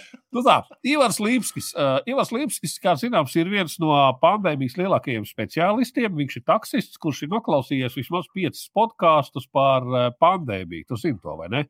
Jā, es zinu. Nu, lūk, viņš iesaistās ar kādu pandēmijas nespeciālistu Jurģi Liepnieku diskusijās, un kādā brīdī viņš saka, jā, par esošo. Un esošajā situācijā vajadzētu rūpēties par slimniekiem, organizēt brīvprātīgos, atvērt lauka hospitāļus, ārstēt slimniekus nevis epidēmijas vidū, nodarboties ar vakcīnu tirdzniecību. Nu, nav šim pasākumam loģikas nekādas. Uz ko eh, Jūdas Liepnieks, kas, kā zināms, nav speciālists visā šajā, saka, hm, šis ir līdz šim pats labākais, ko no antivakseriem esmu dzirdējis. Es uzskatu, šis ir unikāli, tiešām spoži. Lauka hospitāļus vajag iekārtot, bet vakcīnas, kur dēļ tos vispār nevajadzētu, tās nevajag. Un vēl loģika pieminēta. Idiotisms, idiotisms. Vispār pirms, pirms rakstīt, vajag vienkārši nezinu, ko Bālā Grēfene saka, uz pilsētas domas lūgumu nebraukt sniegputeņa laikā, noreaģēja tikai komunālie dienesti. Tas, par ko mēs runājām. Roberts Lambāns uh, uz TV3 ziņu par to, ka divi nilzirgi zoodārzā Beļģijā ir inficējušies ar covid-19 un dzīvnieki atrodas karantīnā, saka, nu jā, neesmu redzējis nilzirgu maskā, paši vainīgi. Labi. Alisa Zariņa jau par sniega daudzumu zina teikt, ka zināt, cik daudz ir sniega. Tik daudz, ka draugs tikko ar mašīnu pārbrauc pāri manam no kabatas izkritušajam telefonam ar ekrānu uz augšu, un es to izvilku no riepas nospieduma neskārtu. Tā kā, wow, jāpiezīmē, sniegs ir pietiekami daudz. Labi, nu tad tā, dāmas un kungi, tagad aizvāciet lūdzu no ekrāniem uh, mazus bērnus, vecus cilvēkus. Vecs cilvēks ar, ar, ar, ar, ar sliktu humoru izjūtu. Jā, cilvēks ar sliktu humoru izjūtu. Uh, Nacionālās apvienības uh, balsotājus, draugus un visus pārējos. Uh, Oi, tūlīt būs kaut kas traks. Es jau jūtu, ka Latvieši pierādīja, Latvieši pierādīja, ka viņiem ar humoru izjūta ir vis, vislabākajā kārtībā. Viss sākās ar ļoti nevainīgu tādu joku, kā Kalvis Troska. Pavaicāt Twitterī, kurš ir tavs mīļākais īsais joks? Nu, tavs mīļākais īsais joks. Es nedēļas laikā pasakoju līdzi visam šim. Tur bija ļoti daudz, tur bija ļoti daudz, ļoti daudz. Es izlasīju, manuprāt, labākos. Nu, tad aiziet. Kāls Strauska arī sāk šo te rantu. Stāvdīja uz govs lopkautuvē. Tu te pirmo reizi? Nē, otro. Dzelzis. Krogā ienāk gobzems, šlecens un pļaviņš. Sorry, bez certifikāta neapkalpoja, saka Dzelzis, kurš ir arī bārmenis Zobenā un Lemesī, Lemesī un Zobenā, kā sauc to metālistu bāru. Nu, jā. Toms Lūsis saka, es rolot vēl īsāku versiju. Krogā ienāk gobzems, šlecens un pļaviņš. Punkts. Jānis Baltiņš, tuk, tuk, kas tur? Vectētiņš, neberiet ciet, celiet laukā zārku. Baiba L. Divas lietas nenoveco - melnais humors un nevakcinēti bērni. Kērins saka, man patīk šo joku stāstīt reliģioziem cilvēkiem, un tas joks ir no Mārtiņa Nevica, kurš saka, kas kopīgs Jēzum un Karstvīnam, abi ar krustnegliņu piesitienu. Jānis Saulīt piemetina tematiski, Jēzum Kristum bija tikai viens liels pluss, un tas pats no koka. Ielikt uh, hashtags žurnāls klubs, tā kā uh, šim jokam, kā es saku, žurnālā klubā. Ja? Jānis Bērziņš, kādēļ raud antivakseru gadu vecais bērns? Viņam ir pusmūža krīze.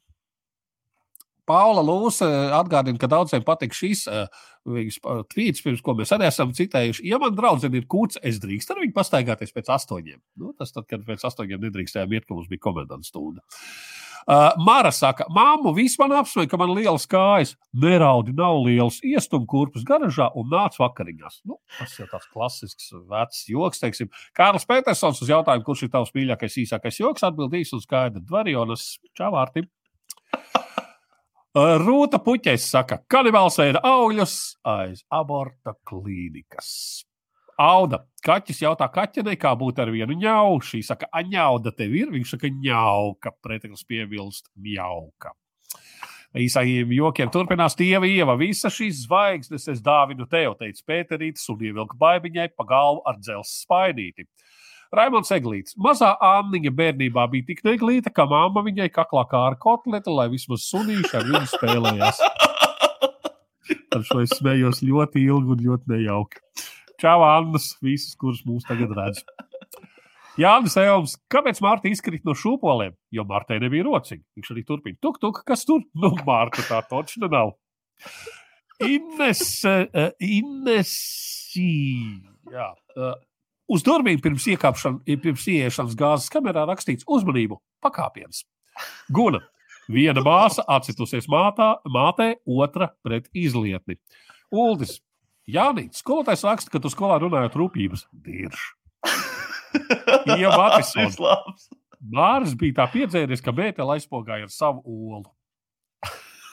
Man nāk prātā piesauktais Aldis, kurš savu smalko Bēteli arī var tā aizpogāt. Krīsta īrbe. Vecētiņš ar mazdēliņu ar kafejnīcā pasūtīja zupu. Ārā sāka līt. Vecētiņš un mazdēliņš zupu ēda pusotru stundu. Mr. Futbols. Kāpēc mazo imigrantu pirmklasnieku skolā neviens neaiztiek? Tāpēc, ka tētis mācās 6. klasē. Ieva, Ieva. Pret vieglu depresiju palīdz vanda ar ēteriskajām eļļām, pret smagu ar fēnu vai tosteri. Kristaps. Uz jautājumu, kas ir tavs mīļākais īsais joks, atbild Māliņš. Čau, Edgars! Sandra Veide. Ābols prasa bumbierim, kāpēc tu nerunā? Bumbieris neatbild. Šis arī ir tas, kurš man uzauga gaisā. Kas notiek? Girts Latnieks. Kāpēc Āfrikā nav aptieku? Jo zāles tukšā dušā nedrīkst ēst. Dvīņas. Ārsts pacientam. Lūdzu, jūsu zāles jālieto katru dienu. Pacients. Te tikai divas tabletes. Ārsts. Nu jā, zāles jālieto līdz mūža galam. Sanita Liepiņa. Māmu, māmu, viss saka, esmu traku. Kas tā teica? Mušas. Nē, nē, Vienkārši kā Kur daļu no dārzeņa nevar apēst? Atbilde - ratiņkrēslu. Ha! Sen nav dzirdēts par glābējas ilītē atstātiem bērniem. Varbūt sen neviens nav skatījies. BDRM. Halo, vai Jānis mājās? Tūdaļ paskatīšos, jā, vēl mājās, bet vainagus jau nes ārā. Un noslēgumā trakais dvīns, zina, teikt, kāls iet tālā, anekdote galā.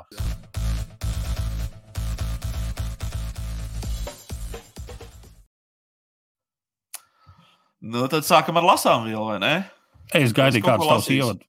Es esmu, un es skatos, un es skatos, ka tu esi kaut ko nospēris no manas grāmatas plaukta. Atzīsties. Jo man visas šīs Jā. trīs grāmatiņas mājās ir. Nu, kaut kā Aha. elektroniskā formātā, bet, uh, bet ir. Bet ir. Tā, tā, tā, tā, tā, tā, tā. No, stāst. Man nav Kāpēc? elektroniskā formātā. Patiesībā, kas ir nopietnāk? Jo patiesībā jau šeit viss nopietnās lietas ir aprakstīts tikai tādā uh, jāstrākā valodā. Jā, uh, bet uh, īstenībā tiem cilvēkiem, kas ir, un es droši vien šeit vēršos vairāk pie gados jaunākiem cilvēkiem, uh, kuri ir aizgājuši tādu radošo ceļu, vispār tā kā nu, vienalga, vai tā ir mode, māksla, mūzika. Uh, vai, vai, vai, vai kaut kāda grafika, vai vienalga, kas tas varētu būt, vai rakstniecība. Es iesaku šo trīs grāmatu sēriju. Um, un, un uh, es pats teikšu, kā ir. Es nebiju par viņu neko dzirdējis, bet es ieraudzīju Deepwater aģentūrā. Es vienkārši tur, kā saka, man vadīju vienu tiešraides pasākumu, un tur starp. uh, Vai tā ir ģenerāla pie meitenēm? Jā, Deepwater, jā, pie dāmām. Mēs uh, bijām, kā saka, tur, uh, var sakot, ir liels grāmatu plaukts, tur ir visādi intelektuāla literatūra. Un tad es pamanīju šo te sāku šķirstīt, es domāju, hei, man šī tāda arī vajag. Tad es sapratu, ka te ir ne tikai viena grāmata, bet ir vesels, vesels trīs grāmatas, plus vēl ir arī tāda, kā saka, darba burtnīca vai dienas grāmata, un es paņēmu Jā. visu šo te ierāvu ierāv nāsīs. Uh, Teikšu, ka ir, esmu izšķirstījis, palasījis šur un tur, bet ķeršos klāt nedēļas nogalē. Uh, un tad jau droši vien, kā saka, izbaudīšu. Bet jau priekšstats ir ļoti labs. Tātad, uh, ko es gribēju par to teikt? Visiem radošajiem šeit ir pilns ar idejām, kā attīstīt savu uh, arodu. Jā, atgādīt, runājot par Austin Kleona triloģiju, Still like an artist, show your works and keep going.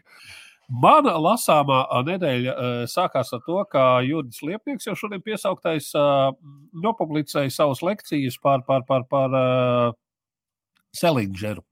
Uh, divas YouTube viņa kanālā var sameklēt, divas lekcijas, uh, katra stundu gara. Oh, Bišķīt smadzenes kūpu. Un loģiski, ka tas noved pie tā, ka bija jāsoļo pie grāmatu plaukta un jāmeklē Jeroms Davids Selingers un jālasa uh, visas šīs grāmatas, visi šie stāsti, par ko Jurgis savās lekcijās runā. Tas ir uh, uzkrājis Lūdzu laukā, varbūt mazāk, vairāk viņš pieslēdzās uh, glāzu ģimenei, kas ir Latvijā iznācis uh, stāstu krājumā jaunie cilvēki jau labu laiku atpakaļ. Es zinu, ka ir vēl, uh, zinu, kā mūsdienās ir tāda nelaba. Uh, nelabi paražu izdevniecībām katru stāstu izdot savā grāmatā. Nu, vienkārši tu vairāk vari nopelnīt, bet senākos laikos mm. uh, tur kādus 11 stāstus vienā lielā, bet biezā grāmatā izdevā. Tā kā jā. Džēnams Davids Selingers uh, šodien bija mans uh, lasāmais. Tu esi lasījis kaut ko no Selingera? Nē, atzīšos, ka neesmu gan ne. Uz kraujas Jā, lietas, kur, lietas, kursā, lietas kursā esmu, bet nē, neesmu, protams, lasījis neko. Ne. Jā, nu, tur ir diezgan sarežģīti. Tur ir visādas lietas jāsaprot. Tur nevelti Juris Liepnieks lasa lekcijas par Selingeru un piemin visas austrumu kaut kādas ārprātīgās filozofijas, par kurām es, godīgi sakot, viņa lekcijā dzirdēju vispār pirmo reizi. Tā kā, wow! no tāda skatu punkta. Un Tā ir tā literatūra, ko pārsvarā no man paudze ir tīneidžera vecumā izlasījusi. Cik, cik loģiski saprot, nu, tas, tas ir cits jautājums, bet nu, tagad pārlasot, es saprotu, ka es nesūdu, nesapratu tajā laikā.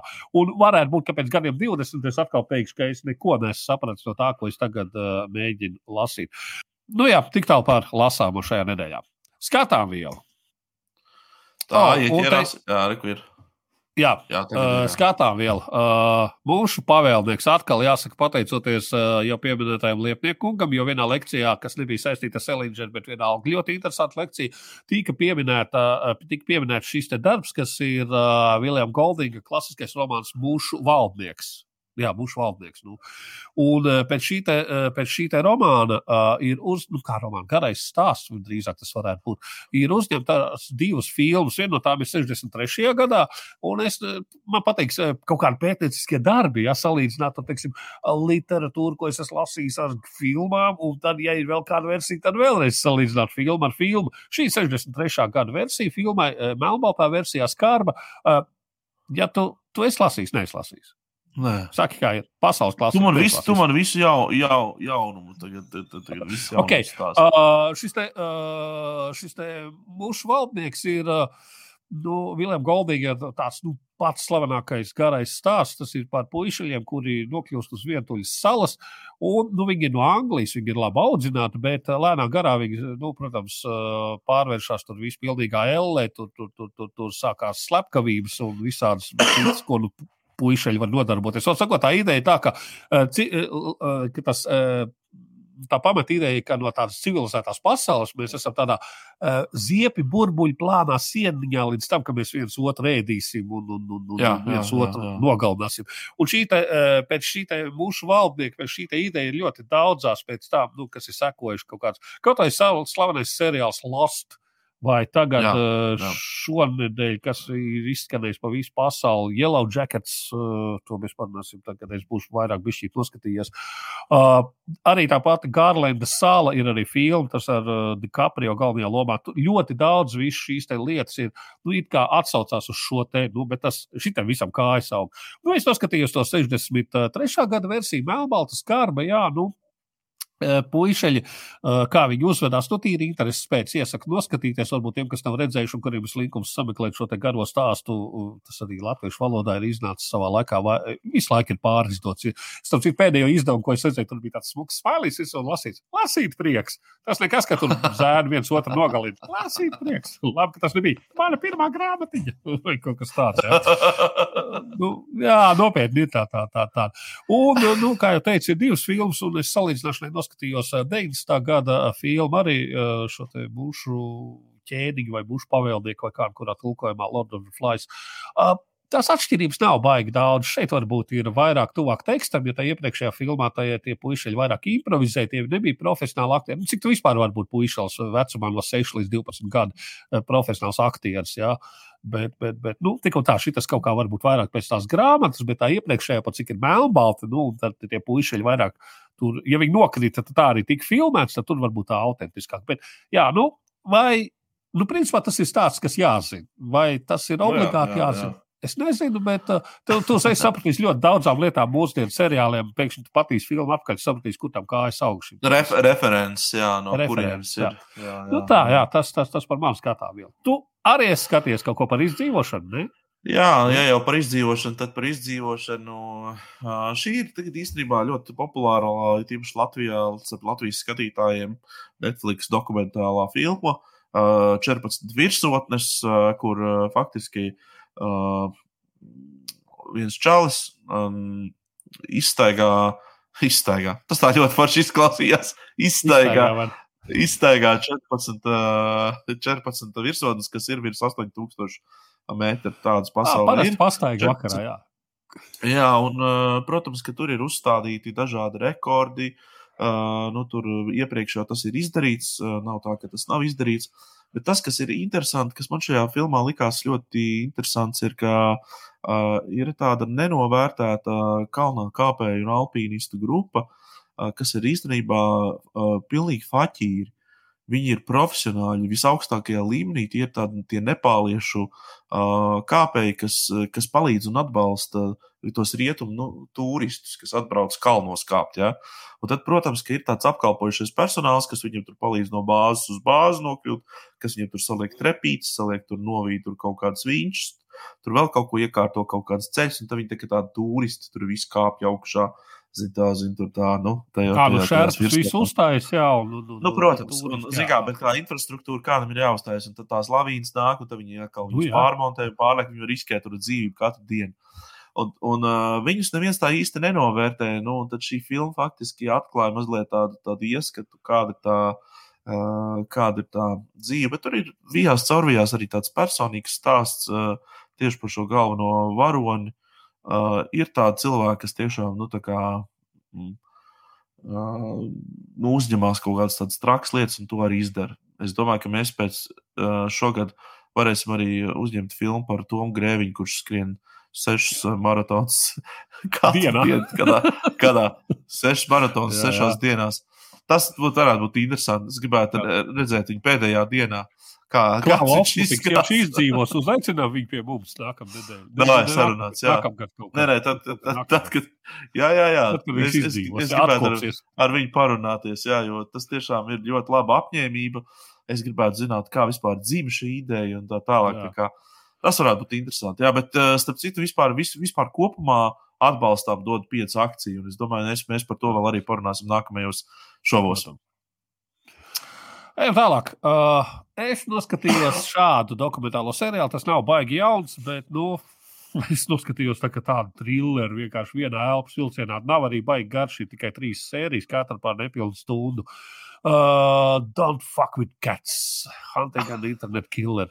Vecī, tas, tas, tas izskatās baigi fanīgi šitai, bet tur jau no paša sākuma ir. Var sakot, pašā sākumā tā dāmīte, kas, kas vada to centrālo narratīvu, tas ir dokumentāls seriāls, stāsta, ka, nu, uh, Nu, internets, protams, ir forša lieta, kur mēs visi priecājamies par puķītēm, par saulrietiem, par ošotu, vēl kaut ko par smukām meitenēm, skaistiem cilvēkiem, maziem bērniem, kaķīšiem. Tāda internets nav tik smuka vieta, kur ir pornogrāfija, kur ir ieroči, kur ir vārdarbība, kur ir vēl viss kaut kas, bet ir viens noteikums, kas attiecas pilnīgi uz visu internetu. Don't fuck with cats, neaiztiec kaķīšus. Un uh, tas ir reāls stāsts uh, par Džeku. Uh, Bišķīt galvā slim, tomēr gribētu teikt, kurš nopublicēja internetā, kā viņš slepkavo kaķus.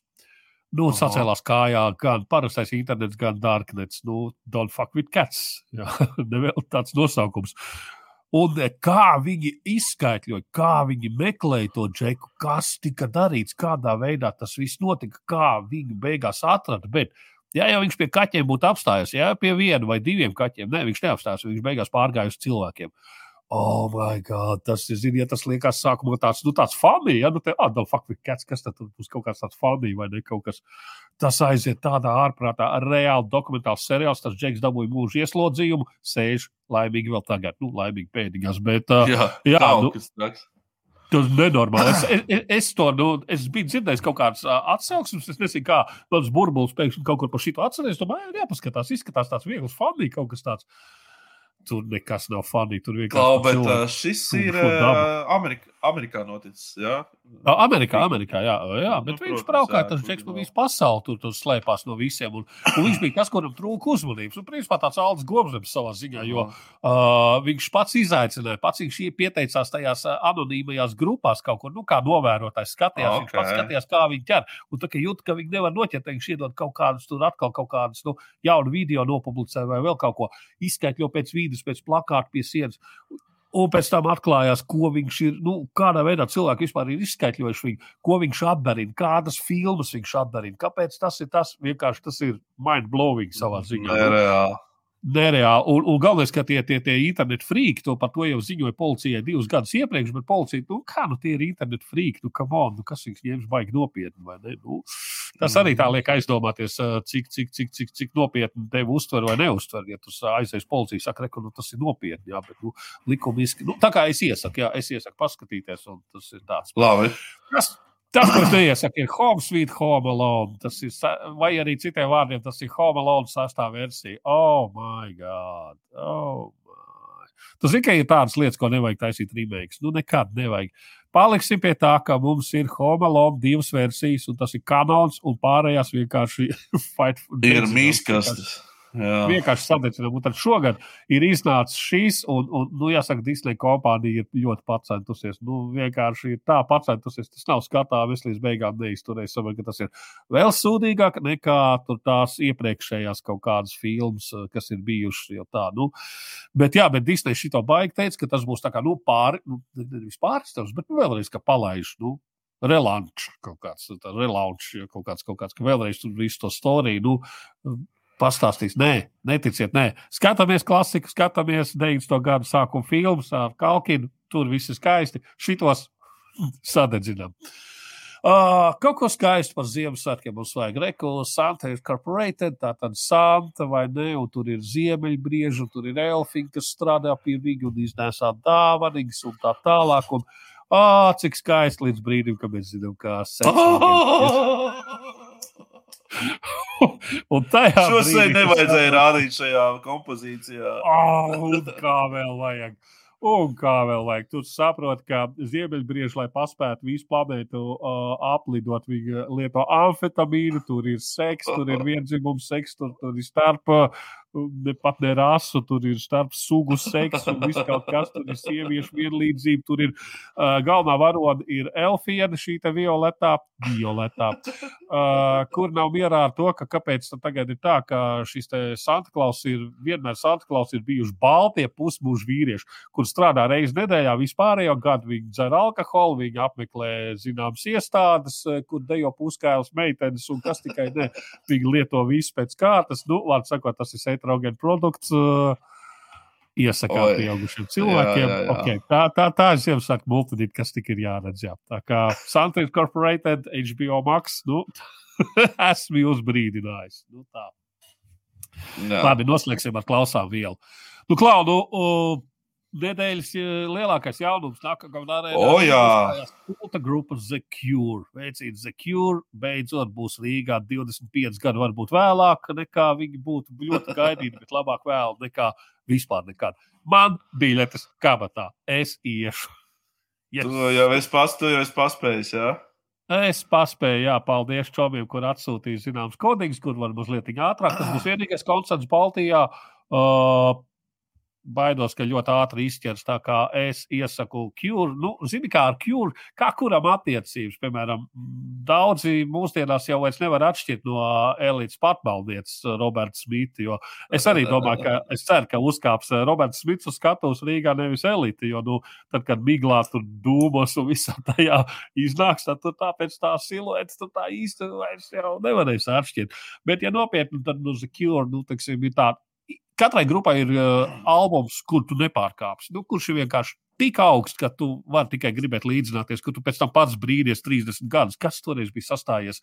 Uh, kāds kosmos, ka mēs ierakstījām kaut ko tik ģeniālu. Kjūra gadījumā tas ir disintegration. Uh, Nu, varbūt man personīgi ļoti patīk arī Wish. Tie ir man tādi divi superalbumi. Par pārējiem var strīdēties. Ir daudz, kas man patīk, ir daudz, kas man kaitina. Tā kā nu, nu, grupa arī nav tā, ka gluži piecas albumus izdevusi diezgan no 70.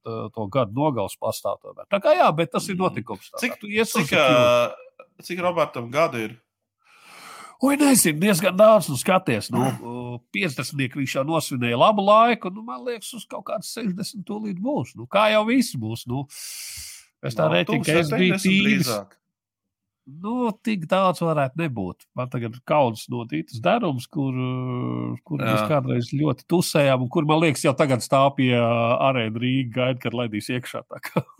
Bet, zini, kas ir? Es, es teikšu tā atkal no šīs. Uh, Šis tikai dod atkal kārtējo tādu ļoti, kā saka, spāru visiem, uh, um, visiem saņemties un uh, saprast to, ka arī, uh, kā saka, pensijas vecumā var strādāt smagu darbu. Ja? Tā kā smags darbs Jā. ir braukt turē, kāpt uz skatuves un uh, maukt. Jā, uh, un pēc tam, ja tu vēl atkal zināmā savā dzīves periodā esi visu medaļu jau tabulu kāds trīs reizes izlaidis cauri, ja visādos iespējamajos injekciju veidos, un kā viens sev organismā var visu medaļu jau tabalu dabūt. Kā, nu, tas nav baigi vienkārši. Jā. Nu, katrā gadījumā, jā, Cure ir kulta grupa visiem, kas nezina. Es zinu, ka visi zina vienu dziesmu, visiem visu Friday I'm in love, man liekas, no šīs planētas, kurš, kurš nezinātu. Nu, nu, un, ja tad varbūt baigi neiedziļinoties, pietiks varbūt ar sīglu izlasu un greatest hit. Es gribētu atgādināt, ka greatest hit un sīgla nav viens un tas pats. Jā, kā, uh, bet, jā, nu, es esmu visu Cure diskogrāfijai cauri izgājis, kā teicu Tagad arī kā man tas neizbrīna. Man jā, tas neizbrīna. Nu, nu, protams, jāņemot vērā, ka vēl kompānijā bija absolūts secure fans. Jā, čaudīt. Nu, tā. Labi, uh, klausies, šī ir versija, ko es saku, šī ir šizofrēnija. Ko tu par to domā? Arsta Lūrs Mirūs. Piedalās Gustavo. Tātad, principā, kas notiek? Džeks pats ar sevi duetā ieraksta dziesmu. Tas, tas man sāk. À, nē, tas ir interesanti es teikšu, tā, tas ir interesanti, bet uh, lai tas paliek pie viena singla. nu, jā, tieši tā. Pie viena eksperimenta. Jā, tā kā Twitterī cilvēki rakstīja, Klau, Gustavo. Uh, Labāk ej atpakaļ pie Gustavo, izliksimies, ka tā identitātes maiņa nekad nav notikusi. Visi aizmirsīsim, mēs visi būsim laimīgāki. Jā, bet nu, var paklausīties intereses pēc. Deivids Bovijs uh, jau kādu laiku ir ārā, kā ārā ar, ar, ar jaunu šūplādi. Es gribētu teikt, tiešām atvilkt. Tur ir ļoti daudz albumu, kas ir izdoti, pārizdoti. To tagad konkrēto kastu tagad sauc Brilliant Adventures, bet tas ir saprotams uz katriem Ziemassvētkiem. Es domāju, mēs no uh, māksliniekiem sagaidīsim kaut ko tādu. Nu, rekrutēji tikai neliela daļa no tā. Tas uzsvars tika likts uz, uz, uz jaunu albumu, kā toju. Nu, kā jauno tas bija tas, ko viņš bija ierakstījis. Uh, 2001. gadā plānoja izdot, bet tā arī neizdeva. Un, eh, un var arī saprast, un tas ir visvājākais visā šajā šūplādē, visā šajā kastē. Mm -hmm. nu, tā, mhm. tās ir dziesmas, ko viņš ir sarakstījis, ka viņam ir kaut kādi plus mīnus 20 gadi, un tad viņš ir vēlreiz viņas iespējams pārizdomājis kaut kādā 53 gados. Protams, ka pasaules uztvere ir mainījusies maksimāli. Un, un, un, nu, tas neizklausās organiski. Īpaši uz, uz, uz tiem albumiem, kas ir kopā šajā te dots, tas ir vājākais punkts. Interesantākās lietas, protams, ir tie koncerti, kur pirms tam bija VHS, kurus var YouTube pavisam legāli noskatīties.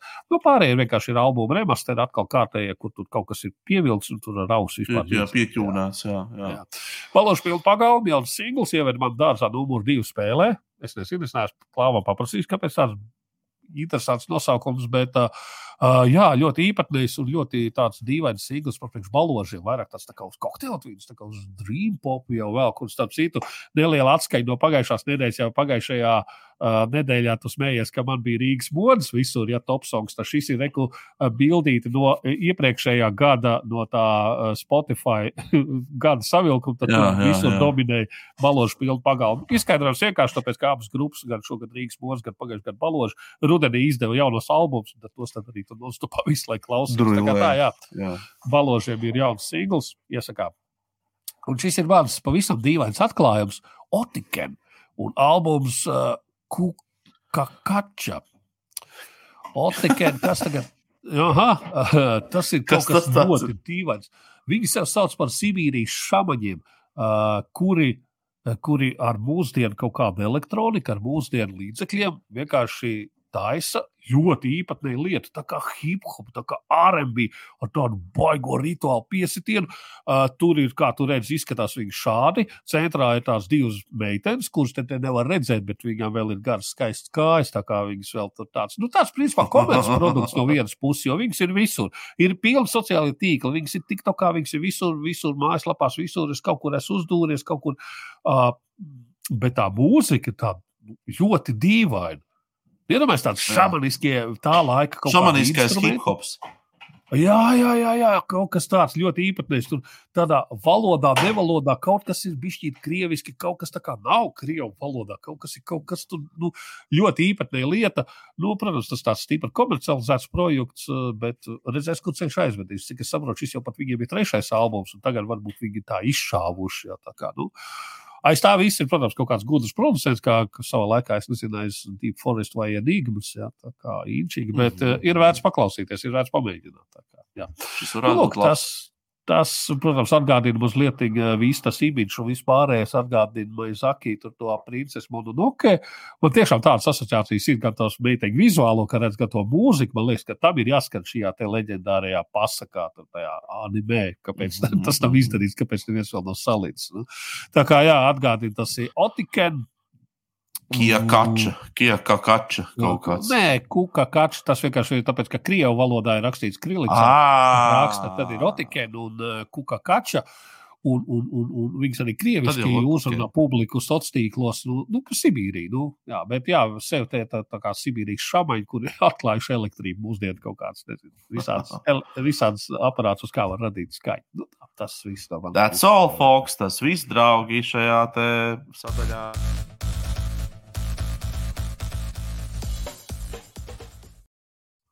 Nu, ko? Nu, tas arī uh, vēl viena vēl vien nedēļa ir paskrējusi. Mēs jau vēl tuvāk esam pienākuši Ziemassvētkiem.